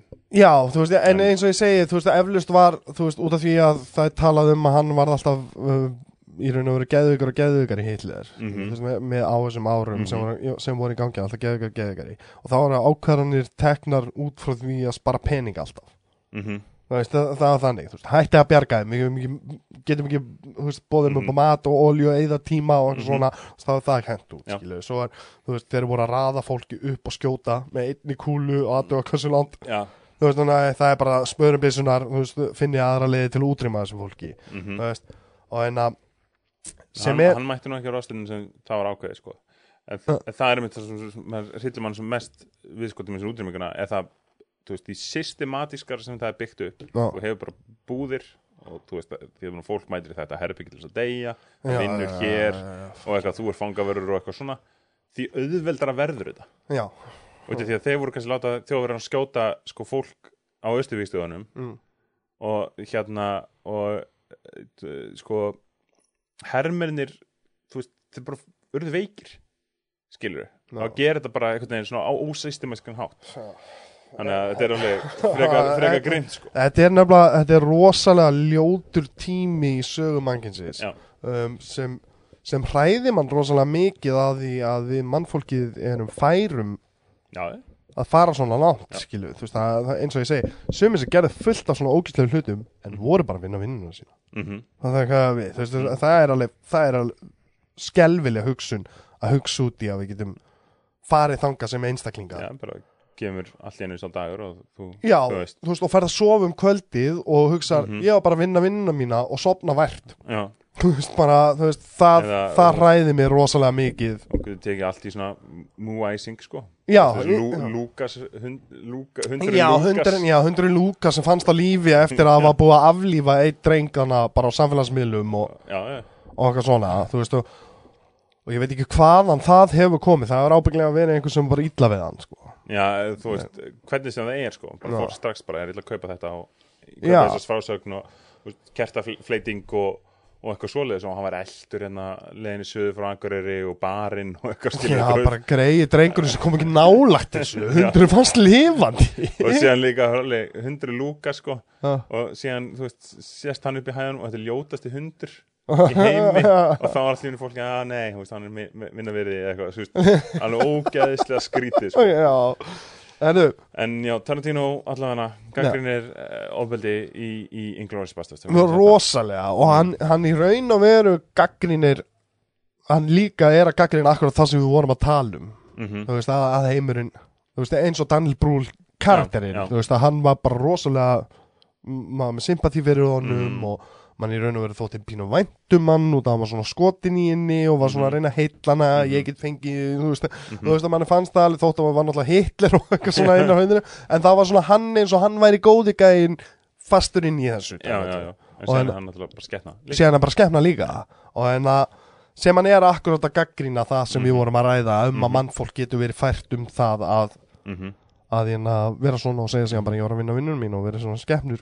mhm, þannig að og farið að sofa þú veist, það finnst mér alltaf þú veist, þetta er sko um, eftir að ég varði ettrú mhm, um, og eftir að ég fór að vinna sagt, svona prógram þú mhm veist, að, hérna, sem hjálpa mann að reynsa til lífinu og svona. Ekki fyrir en ég var búin að því að reynsa fyrir dyrunum mínum og svona gat ég farið að sofa. Já, ég, þú veist sofa venjulega þú já, og, hans að vera eitthvað með samanskapit já, já, eða líða ítli yfir uh, hvernig ég var að Mhm. hafa mér og eitthvað svona uh, en þú veist þannig að ég veit að sjálfur þú veist, ég segi mitt sko oft þannig að oft spyr ég samkynniða vinni mína til dæmis. Mhm, alveg og þau er eitthvað bara að, þú veist þá spyr ég að sko, þú veist, hvernig segur hann eitthvað bara eins og, eins og unga bann okay? hvernig svafst áður en þú komst út af skápnum? Bara, það er alltaf bara, ég svaf ekki Já, já, það, það, það er bara alltaf svarið. Mhm, eða það, ég bara svaf ekki. Mhm, og það er oft óheðalegur mhm, við, í raun og veru óheðalegur gagvart sjálfum þér mhm, þá ert ekki með í hjartanlífinu mhm. þá getur ekki sofið á nættina þannig að þetta fólk, hún næstin hana voru með leið til að samfæra sjálfan sig Já, já. að þetta væri allt í læg og, hérna, og hann er að gaggrina það. Mhm, og mér finnst það, þess vegna er náttúrulega hún, hún vann uh, hún vann Óskarinn fyrir um, uh, uh, Kristóvalds vann Óskarinn. Mhm. og Tarantino vinnur fyrir besta handrit. Alltaf ekki. Já, ég held að það var besta handrit. En hann vann fyrir Django allan að besta handrit. Mhm. Nei, hann vann ekki fyrir hann Það var ekki- hann bara Kristóf Volt sem vann Já. fyrir Inglourious Hann vann ekki fyrir hana. En ok, tökum smá pásu Svo fyrir við, hvað er klukkan? Hann er verið að hálfveit í þeirra. Já, við erum að fara að- að slúta þessu. Já. Já, ok. Við getum bara rúla Rúla aðeins lengur auðvilt Já, er það ekki bara, ef ekki, ef ekki rúla bara Já, við, við skulum að rúla bara Beint í Django. Django Þar fer hann í sko vestrænu. Hann gerir raun og veru tvær vestrænar Já. Eftir það. Já. Og sem er sko um, Sem er í raun og veru eins og Django. Þar kemur Kristof Waltz aftur Sem, Mm. sem þjóðverjinn Sem uh, uh, tannlæknir turned Bounty hunter Já. Það er svo mikið brilja Bara svona litlu hlutinir hann Mhm. ger, þú veist, það er aldrei nema hann er hann á Já, já, já. vagninu sínum. Og hann er prófið ábyggla með fullt af heroin og kókain í Mhm, út af því að það var notað hjá tannlæknum á þessum tíma. Og hérna og, og hann er bounty hunter. Mhm. Og fyrsta atriðið bara þegar hann mætir hann og er að tala við þá þannig og vill fá að kaupa Django. Já, svo fyrir þetta allt úr böndunum. Já, allt í faginu rugli þetta er svo frábær sen og ég mynd elska það við Tarantino að hann sagði eftir Inglourious Basterds, vissi ekki hvað er að gera. Svo einn daginn var ég að gera eitthvað svona ábyggla að vera að horfa Django gömlu myndinar já. og bara ekki, já, tjóðlang mér að gera svona mynd, sest niður, skrifa þetta atri mhm. og út frá því kemur Og sem, já. Django Unchained. Og svo mynd við, hérna, þegar maður horfir á hana, að maður sér náttúrulega valda kapla úr uh, Birth of a Nation. Já, já, já, Það, já, þú veist, þá er maður bara, já, hérna, er, þú veist, hann er í ykkur uppreist gagvar stærri mynd. já, að, þú veist, það er náttúrulega Kúkus klan dæmið þarna og þeir eru eitthvað, hei, hver gerði hólurnar hérna á, á, þú veist, hættunar okkar og eitthvað svona kjaftaði skilur. já ég, ég hef ekki séð Birth of the Nation ég Nei. veit að þetta á að vera rosalega rasísk Þetta er alveg... bíómynd, þetta er svona ég hef ekki heldur séð Passion of the Christ því að það er líka bara einhver þú veist, það var vist byggt á leikriti sem var hatus áróður gegn uh, gyðingum, já, gyðingum sko, svo mynd var byggð á hatus áróða mhm. leikriti. Þannig að ég horf ekki á svona Birth of a myndi Nation er sko, þekktasta dæmið er uh, hvít fjölskylda í suðrunu Nor norðumenn, norðurherin hefur unnið og það er svertingar í hann mm. og þeir eru allir eitthvað svona málaðir, hvítingjar hann og hann að reyna að brjótast inn í, í gamlu myndinni? Já, Ah, er- í blackface. já, í Oh, blackface brjó- brjótast Ah. inn til hvíti fjölskyldunar og allir nauðka konni og þá er eitthvað, hei, við verðum að sækja bjargvættina og það er Kúkus klan sem kemur hérna og, og bjargar hérna fólkinu frá nauðgun og eitthvað. en það er bara í myndinni sko. Wow, ég, að ég ætla ætla greinilega að horfa á þessa mynd. Ég, ég vissi bara að maður er einhver super rasísk sko. Og þeir, þú veist, Django er einmitt, þú veist, svarta söguhetju og allt það. Já. og síðan hérna uh, þú veist, Kúkusklan er bara gert grína því og eitthvað svo leis og, það er náttúrulega fucking brilliant. Don Johnson kaplinn í þessari mynd mhm. er, þú veist, málega það að sko, það var fullt af vandræðum við tökur að þessari mynd. Mhm það var fullt af, þú veist, það var alltaf delayað og delayað hann tapaði fullt af fólki og var köttar Já. karakterar og, mhm. og alls konar svona eins og Jonah Hill var með stórt hlutur upprunnilega, mhm. Þú veist, síðan er hann bara köttaði niður í eitt atriði, sko. Þú veist, og það var fullt af svona dæmum sem gerðist í þessari Mhm. mynd. Um, hugsanlega til hins betra og það myndin Mhm. var frábær eins og hún stundum eru þegar slæmi hlutin er að gerast það er Mhm. oft til hins betra. Og og hérna máli með þá mynd að þar er aftur sko Don Johnson karakterinn mhm. um, Leonardo DiCaprio í þeirri mynd mhm. er bara, þú veist, hann var reyndar á þeim tíma sko, bara eitthvað I will do anything for that fucking Oscar. Og leik líka í Revenant eftir það Já, já. sem bara basically er myndlíking yfir það hvað Leonardo DiCaprio myndi leggja á sig til að fá já. svo mynd, er bara það. Bara þegar hann er eitthvað lamar að fljúa fram að einhverju. ég var bara ég var bara að horfa á þessa mynd og ég bara hvaða fucking kjaftaði er þetta þú veist ég, ég skil alveg þú veist revenge story og eitthvað svona Mhm. en þetta var svo mikið fucking bull þessi mynd að þetta var bara basically eitthvað hann uh, uh, svo læra að lappa aftur og eitthvað, og þetta var En fæst síðan ekki fyrir, þú veist, Shutter Island, skilu, sem er miklu meira kannaðinn í karakterdýft og hann þarf að vinna miklu meira með karakterinn. já.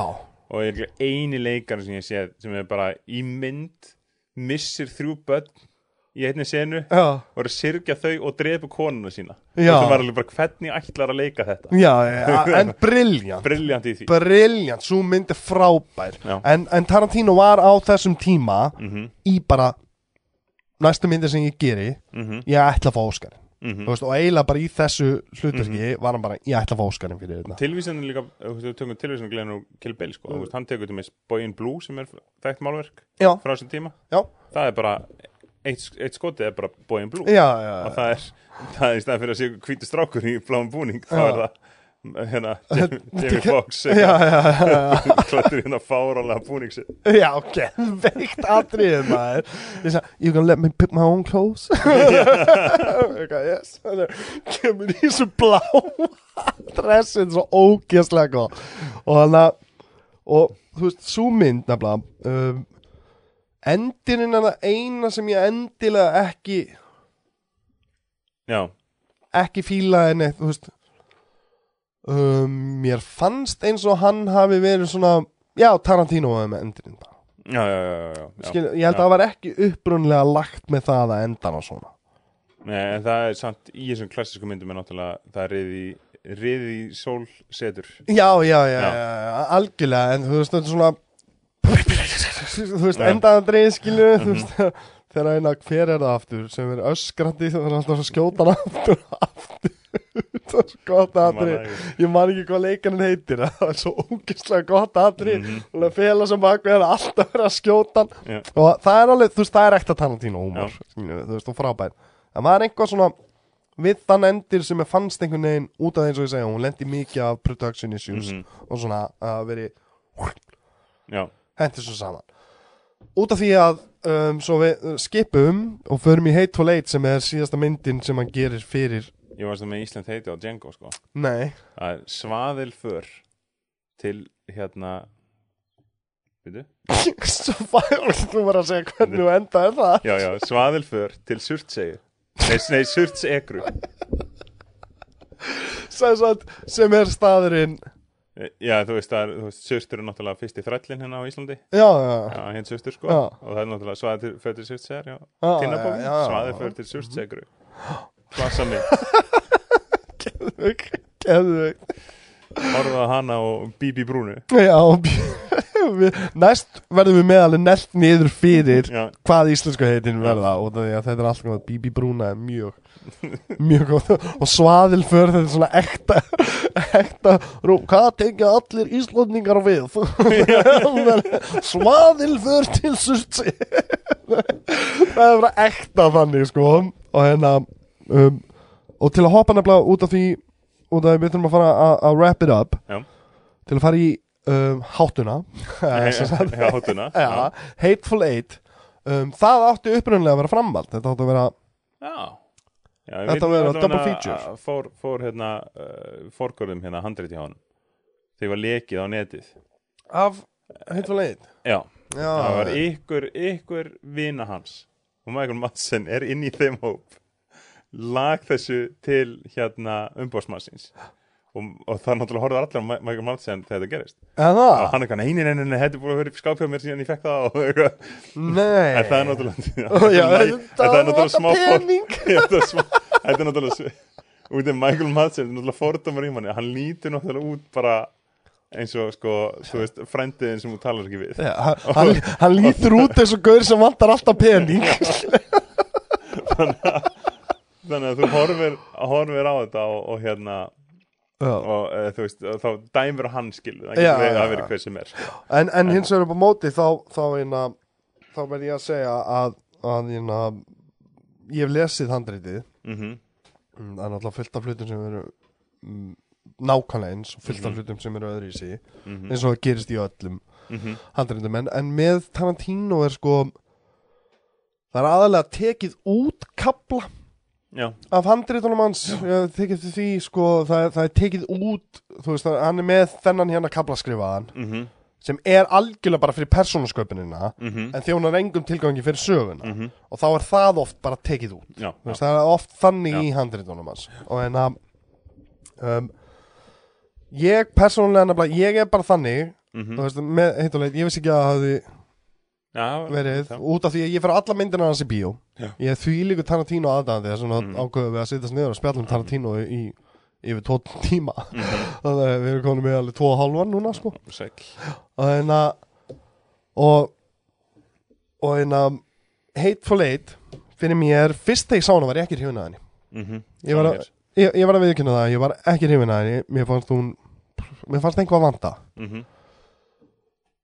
Spóla áfram, ég horfa á hana í annarskiptið og ég er svona, já ok, þú veist, hún er betri heldur en að ég var, Mhm. þú veist, ég, kannski var það út af því að ég var, þú veist, sá Inglourious, Django og síðan allt einu svona mynd, já, já, þú veist, cap, basically Cabin in the Woods bíómynd, Mhm. og þannig að og kannski var það að ég var bara ekki tilbúin eitthvað. Mhm. en síðan núna þá gaf Netflix út sexparta Já, eftir að sjá það Slaka til að gera það það útskýrir svo fokkin margt í þessari mynd Mhm. það er svo margt sem á köttað út Mhm. sem þjóna svo ógeðslega miklu tilgang Mhm. það ég segja að núna meika myndi miklu meira sens fyrir mér Ég ætti að sjá það sko veist, hún hérna Þú veist, aftur óðu til uh, kveimdagerðanar sem Já. hann gerir endalaust já, já, að það náttúrulega fór í með þetta bara í svona þetta var, var, var svona vegamynd og hann vildi hafa veist svona vegadæmi þess að hann myndi flakka um með þessa mynd í bíóhús og eitthvað svoleiðis Mm. sérstaklega því að hann tók hann upp á 65mm Já, hérna, filmu og sprengtaði upp í 70 þannig að, að til með þessi Wyoming sem hún tekin upp í uh, fámennasta fylki bandarækjana Já. er gullfallegt í henni ég farið þangað, það er líka leðilegsta fylki bandarækjana já, já en fallegasta líka já, já. líka. uh, þú veist, uh, rétt við klettafjöllin og allt þetta sko og, veist, uh, nær þessu rosalega vel og gerir hérna góða ferð með, með þetta svona í þessu formi. En Algjör, það var samt einmitt veist, út af því að hann þetta breyta endinum út af því að handriti var hérna lekið hann sko, veist, það var fyrsta draft og hann er líka að ég get ekki gert það sem allir við, vita Já, að ég muni gera nú og þarf ég að sem er breyta, ógeðslega leðilegt sko. Um, sem því lík synd hvað myndi gera þetta við eða, þú, veist, þú veist, það er einhver sem vinnur að myndinni já, sem Sem- fekk handritið já og gerði þetta Ekkur, sko, Tim Roth var í þessu líka, í þessum hópi líka, sko. Já, þú veist, það, það er, en, en er það bara leikarinn, er ekki líka fólki ég held að það séu helst leikarar. Vin, vinahópur Tarantino. Tarantino, já Þegar náttúrulega er, maður sér oft þessu sum á. Já, hann er rosalega, uh, uh, hvað segir maður um, Vinahóttur allavega. Já, já, rosalega um, en Þetta er líka svona held ég góðu drikkjufélagar hans og svoleiðis. já, já, já Sitt allir og reykja saman allan daginn og horfa á Mhm. bíómyndir þeir, eru náttúrulega bara avid, avid pot smokers, sko Og það er sama núna, Brad Pitt hefur verið áður hjá Já, og, og Leo hefur verið áður hjá honum. Hann setur það aftur inn í mynd núna. Margot Robbie er ný. Og síðan held ég Tim Roth er í nýjustu myndinni og hvað, eina, sko. Kannski Michael Madsen og það líka. Já, í einhverju hlutverki, einhverju smá Nei, hann fær ekki að koma aftur Það var hann sem fokka upp handriðina Eitt og leitt. Nei, nú, þess er hann að skupa klósið sko. já, já. En, en þetta er sko um, út af því að þetta er sko þegar svona hluti gerast mm um, ég, ég ætlaði mitt að tala um það við því um, þegar svona hluti gerast, ég skoða það ekki. Já, nei, nei, nei. Ég skoða það ekki, ég er bara með stert siðferði gagvart Tarantino myndum og, og bíómyndum yfir höfuð nema Game of Thrones, fuck Game of Thrones. Ég getur spoilað því fyrir mér eins og þú vilt mm. en þá jafn leiðilegt og fyrsta árið þetta kom út. Og er, en það er persónlegt álit og það er bara út af því að ég er ekki mikill æfintýra Já. þú veist, ég ætla ekki að segja að uh, neitt annar sem er lélegan smekk út af því að þau fíl þetta. Þetta er bara persónlega dálinn mitt, ég bara ekki sem er með liðlega hans Já, nei, nei, nei, nei, þetta er bara ömulegt Sorry Nei, þú vei- þú veist hvað ég á við. Þetta er bara, ég persónulega fíl ekki æfintýra myndir Það er svona heitla þetta mig ekki. En að um, En eins og núna, kvikmyndahús mm Að vera mánuði setna Að sína mynd eins og Once Upon a Time in Hollywood. Þetta hefur aldrei gerst áður. Já, þú veist ekki síðan 90 og eitthvað. Ekki síðan Tarantino, já bara þú veist Þegar pappiðin var hangandi í Vestlunarmistu Já, ég er að segja er Þegar, þegar pappi sem sagt Ég man eftir því að, að þegar ég var yngri þá kom, Það Nei, er ekki miða af pappa en þegar ég, ég, Ástæðan fyrir ég nefni pappa er út af því að ég var átti myndir stundum á Vaffáes sem pappi Mhm. kefti út í bandaríkjunum eða upp á, upp á velli eða eitthvað Mhm. svona um, sem voru í bíó hérna í Keflæk Mhm, á þeim tíma, þá var ég bara með hana á Vaffáes bara að horfa á hana hérna heima mhm. um, Núna líður mér pínu eins og ég verði komið með hana á Votti að DFD Mhm. Þegar hún kemur í bíó hinga það er tíu dagar í að sína myndina frá því að þessi þáttur er tekinu Mhm. tíu dagar, Já. það er rugglan og það er sko, veistu hvað ég á erfið með að dodja spoilera á netinu í fucking tíu daga. En þetta er líka sko, ok, svo, ég veit ekki með sko, hvernig þeir fá DCP þú veist, fá fælin eða veist, hvernig þýða myndirnar skilur við, að hérna þú veist, ef bara ekki nógu góður í texta nei, nei, nei, hvernig, þú hvernig það virkar? lagalega séð mátt eiginlega ekki sína myndina á þessum textu þú verður eiginlega alltaf textana Já. þannig að þeir fá örgulega eintaka myndinni og textaskjál textaskjál, hvernig hérna þú veist, það má vera þýtt og eitthvað slis þeir þurfa að gera það hérna, þú veist, áður hún sínt hér. Þannig í sumum tilfellum er heimsfyrirsyningin hér og þá hefur, þú veist, ykkur gæi hérna á Íslandi fengið alla spoilerna til sín.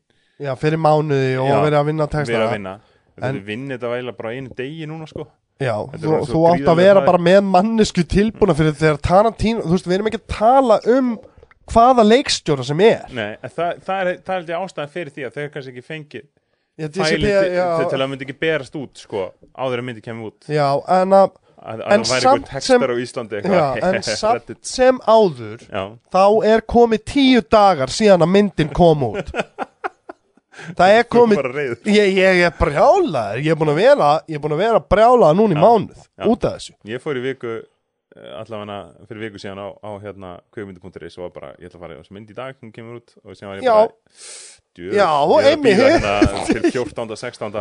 til ég var, ég var við konuna mína allan síðasta mánuð 27. 27.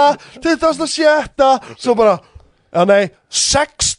í næsta mánuði. Ég bara, er það ekki að fucking grínast? Ég, ég bara sjaldan verið eins pyrraður Og er, þess vegna er ég svona pyrraður núna Yfir því að get ekki séð eina stæðstu mynd ársins. Mhm, Níundu mynd Quentin Tarantino. Mhm, Næst síðasta myndin hans. Mhm. Fyrir en 20 Dögum. Já, 20 Já, dögum. já. Setna heldur hún nú að frumsýnt Það er rugglað, veistu hvað er mikið af spoilerum? Veistu hvað er mikið á YouTube Þegar ég fletti í gegnum það hjá mér? Já. Það er um, Once upon a time in Hollywood Ending is explained. Interview with Tarantino Já, já, já. Og ég er bara Ég er bara da, da, da, Þú veist, ég má ekki sjá neitt af þessu. Nei, nei. Og þetta er verður alls að njóta þess sko, því að þú veist að ég meina, þú veist alveg hvernig allar aðra myndi fara. Já, að, þú veist eitthvað hvernig þessi mynd fer. Ég, ég hef ekki hugmynd um Tarantino gerir hana. Já, veist, þannig að, þú veist, að ég meina veist, allar ofurheitju myndir, sko, ég það er minn, sko, ég hata þær. Já, já, já. en maður veit alveg hvernig það er enda sko. Ég elska það og það er alltaf einhver gæi, vondi, vondi kallin er að hefna sín á einhverju, who gives? Og það er eitthvað domstagsvot það er alltaf það sama. Ertu búin að sjá Infinity War? uh, menn, senustu þarna. Nei, það var Endgame myndin Já. undan því. Uh, ég sá, já, ég sá hana. Já, hún var samt bara mjög heimsbyggileg sko. já, veist, En síðan í Endgame endar, þú veist, hún var góð En það var samt alveg Let's do, uh, hvað ég sá honest trailer. Let's do what every movie does when they've ri- written themselves into a Já, corner. já, já. Time travel. Það kemur einhver mús og lappar akkurat yfir eitthvað og það frelsar eitt gæja svo hann getur þessi mús hefði ekki verið Já. þá hefði bara ekkert gest Það er, það er akkurat, í, það Þegar, er rosalega þegar heimskulegt. Doctor Strange fer í gegnum þetta að þegar hann er að tala um það er einleið, eða svo í einleið vinnum þetta, já. það var ef músin lappaði yfir. Það var, það, það var í alvegnu Já. það sem hann var búinn að sjá í framtíðin. það er, þeir eru búin að gefa það út að það var ekkert um bardaðan eða neitt Nei. þannig. það var bara hvort að músin lappar yfir eða ekki. Uh, það er hérna- óspennandi, sorry. Já, en mér fa fannst það samt þú veist, mér fannst það samt svona sniðið það var svona, að þetta snýst ekki um bardaðan það, er, það meira bæk við þetta. En ég nam eins og ég skiljið, já, ég, þú hatar þannig. Það er alltaf, Ég ég, ég, ég, veit alveg, þú veist, maður veit svona formúluppbygginguna. Já, og ég er manneski sem getur sopnað í bíói. Já. Og þegar það kemur að þriðja hluta mynda það sem er stóra Mm. Já. það er bara sopnaði Já, já, og, að, og þú býður frekar eftir dramanu. Já, og Það heldur við meira við. Allavega, þú veist, eins og Captain America Civil War. Já. og, og Captain America Civil War er, er þannig, þú veist, mér fannst hún heimsbyggileg allavega, Já. þú veist, ég get hugsað það. Já, já, og sér kemur bara bardaðatri og þá er ég bara, já, nei, ok, ég er búinn. Já, Þú veist, ég, ég er búinn að, búinn að fá alveg minn sker, sker sko. Herru, við skulum þá bara enda þetta. Um, Takk kærlega fyrir að koma og spjalla. Við, getum náttúrulega- við hefðum geta verið inn í allan dag ábygglega að ræða Tarantino myndir. Það er bara þannig. Um, Mér hlakka til að sjá þið næst. Næst ætlum við að taka úi ból mm, Er það ekki það? Jú, jú, við verðum að taka einhverju svona epic léleg. Já, ok. Það- er ekki þryggja tíma spjall eða tvekja tíma spjall um það? En, Tökum, tökum klukkutíma spjall, ég held að ég held að ég stikki lengur. Já, ég, ég, ég veit ekki hvað maður hefur meira að segja Það hefur engin séð myndir eftir Nei, Þannig að við, við skoðum þetta hvort við förum í Corey Feldman. Spoiler, hann er myndir úr bólið lélegar. Það er sko vestar. En það er samt svo í góðum kontrast við að vera búin að vera að tala um Tarantino og besta leikstur á allar tíma. Um, við mælum með því náttúrulega auðvitað að allir fara að sjá Once Upon a Time in Hollywood út af því að við viljum fá fleiri myndir. Við viljum að myndina skræði það mikið að hann vilji halda áfram að gera Já, og en að það var náttúrulega draumur. Mhm. og en, að, en annars bara takk hjálpa vilja það var ógslag gaman að fá því aftur. Sumulegis og mér hlaka bara hlaka til næst. Ha, takk fyrir okkur. Takk fyrir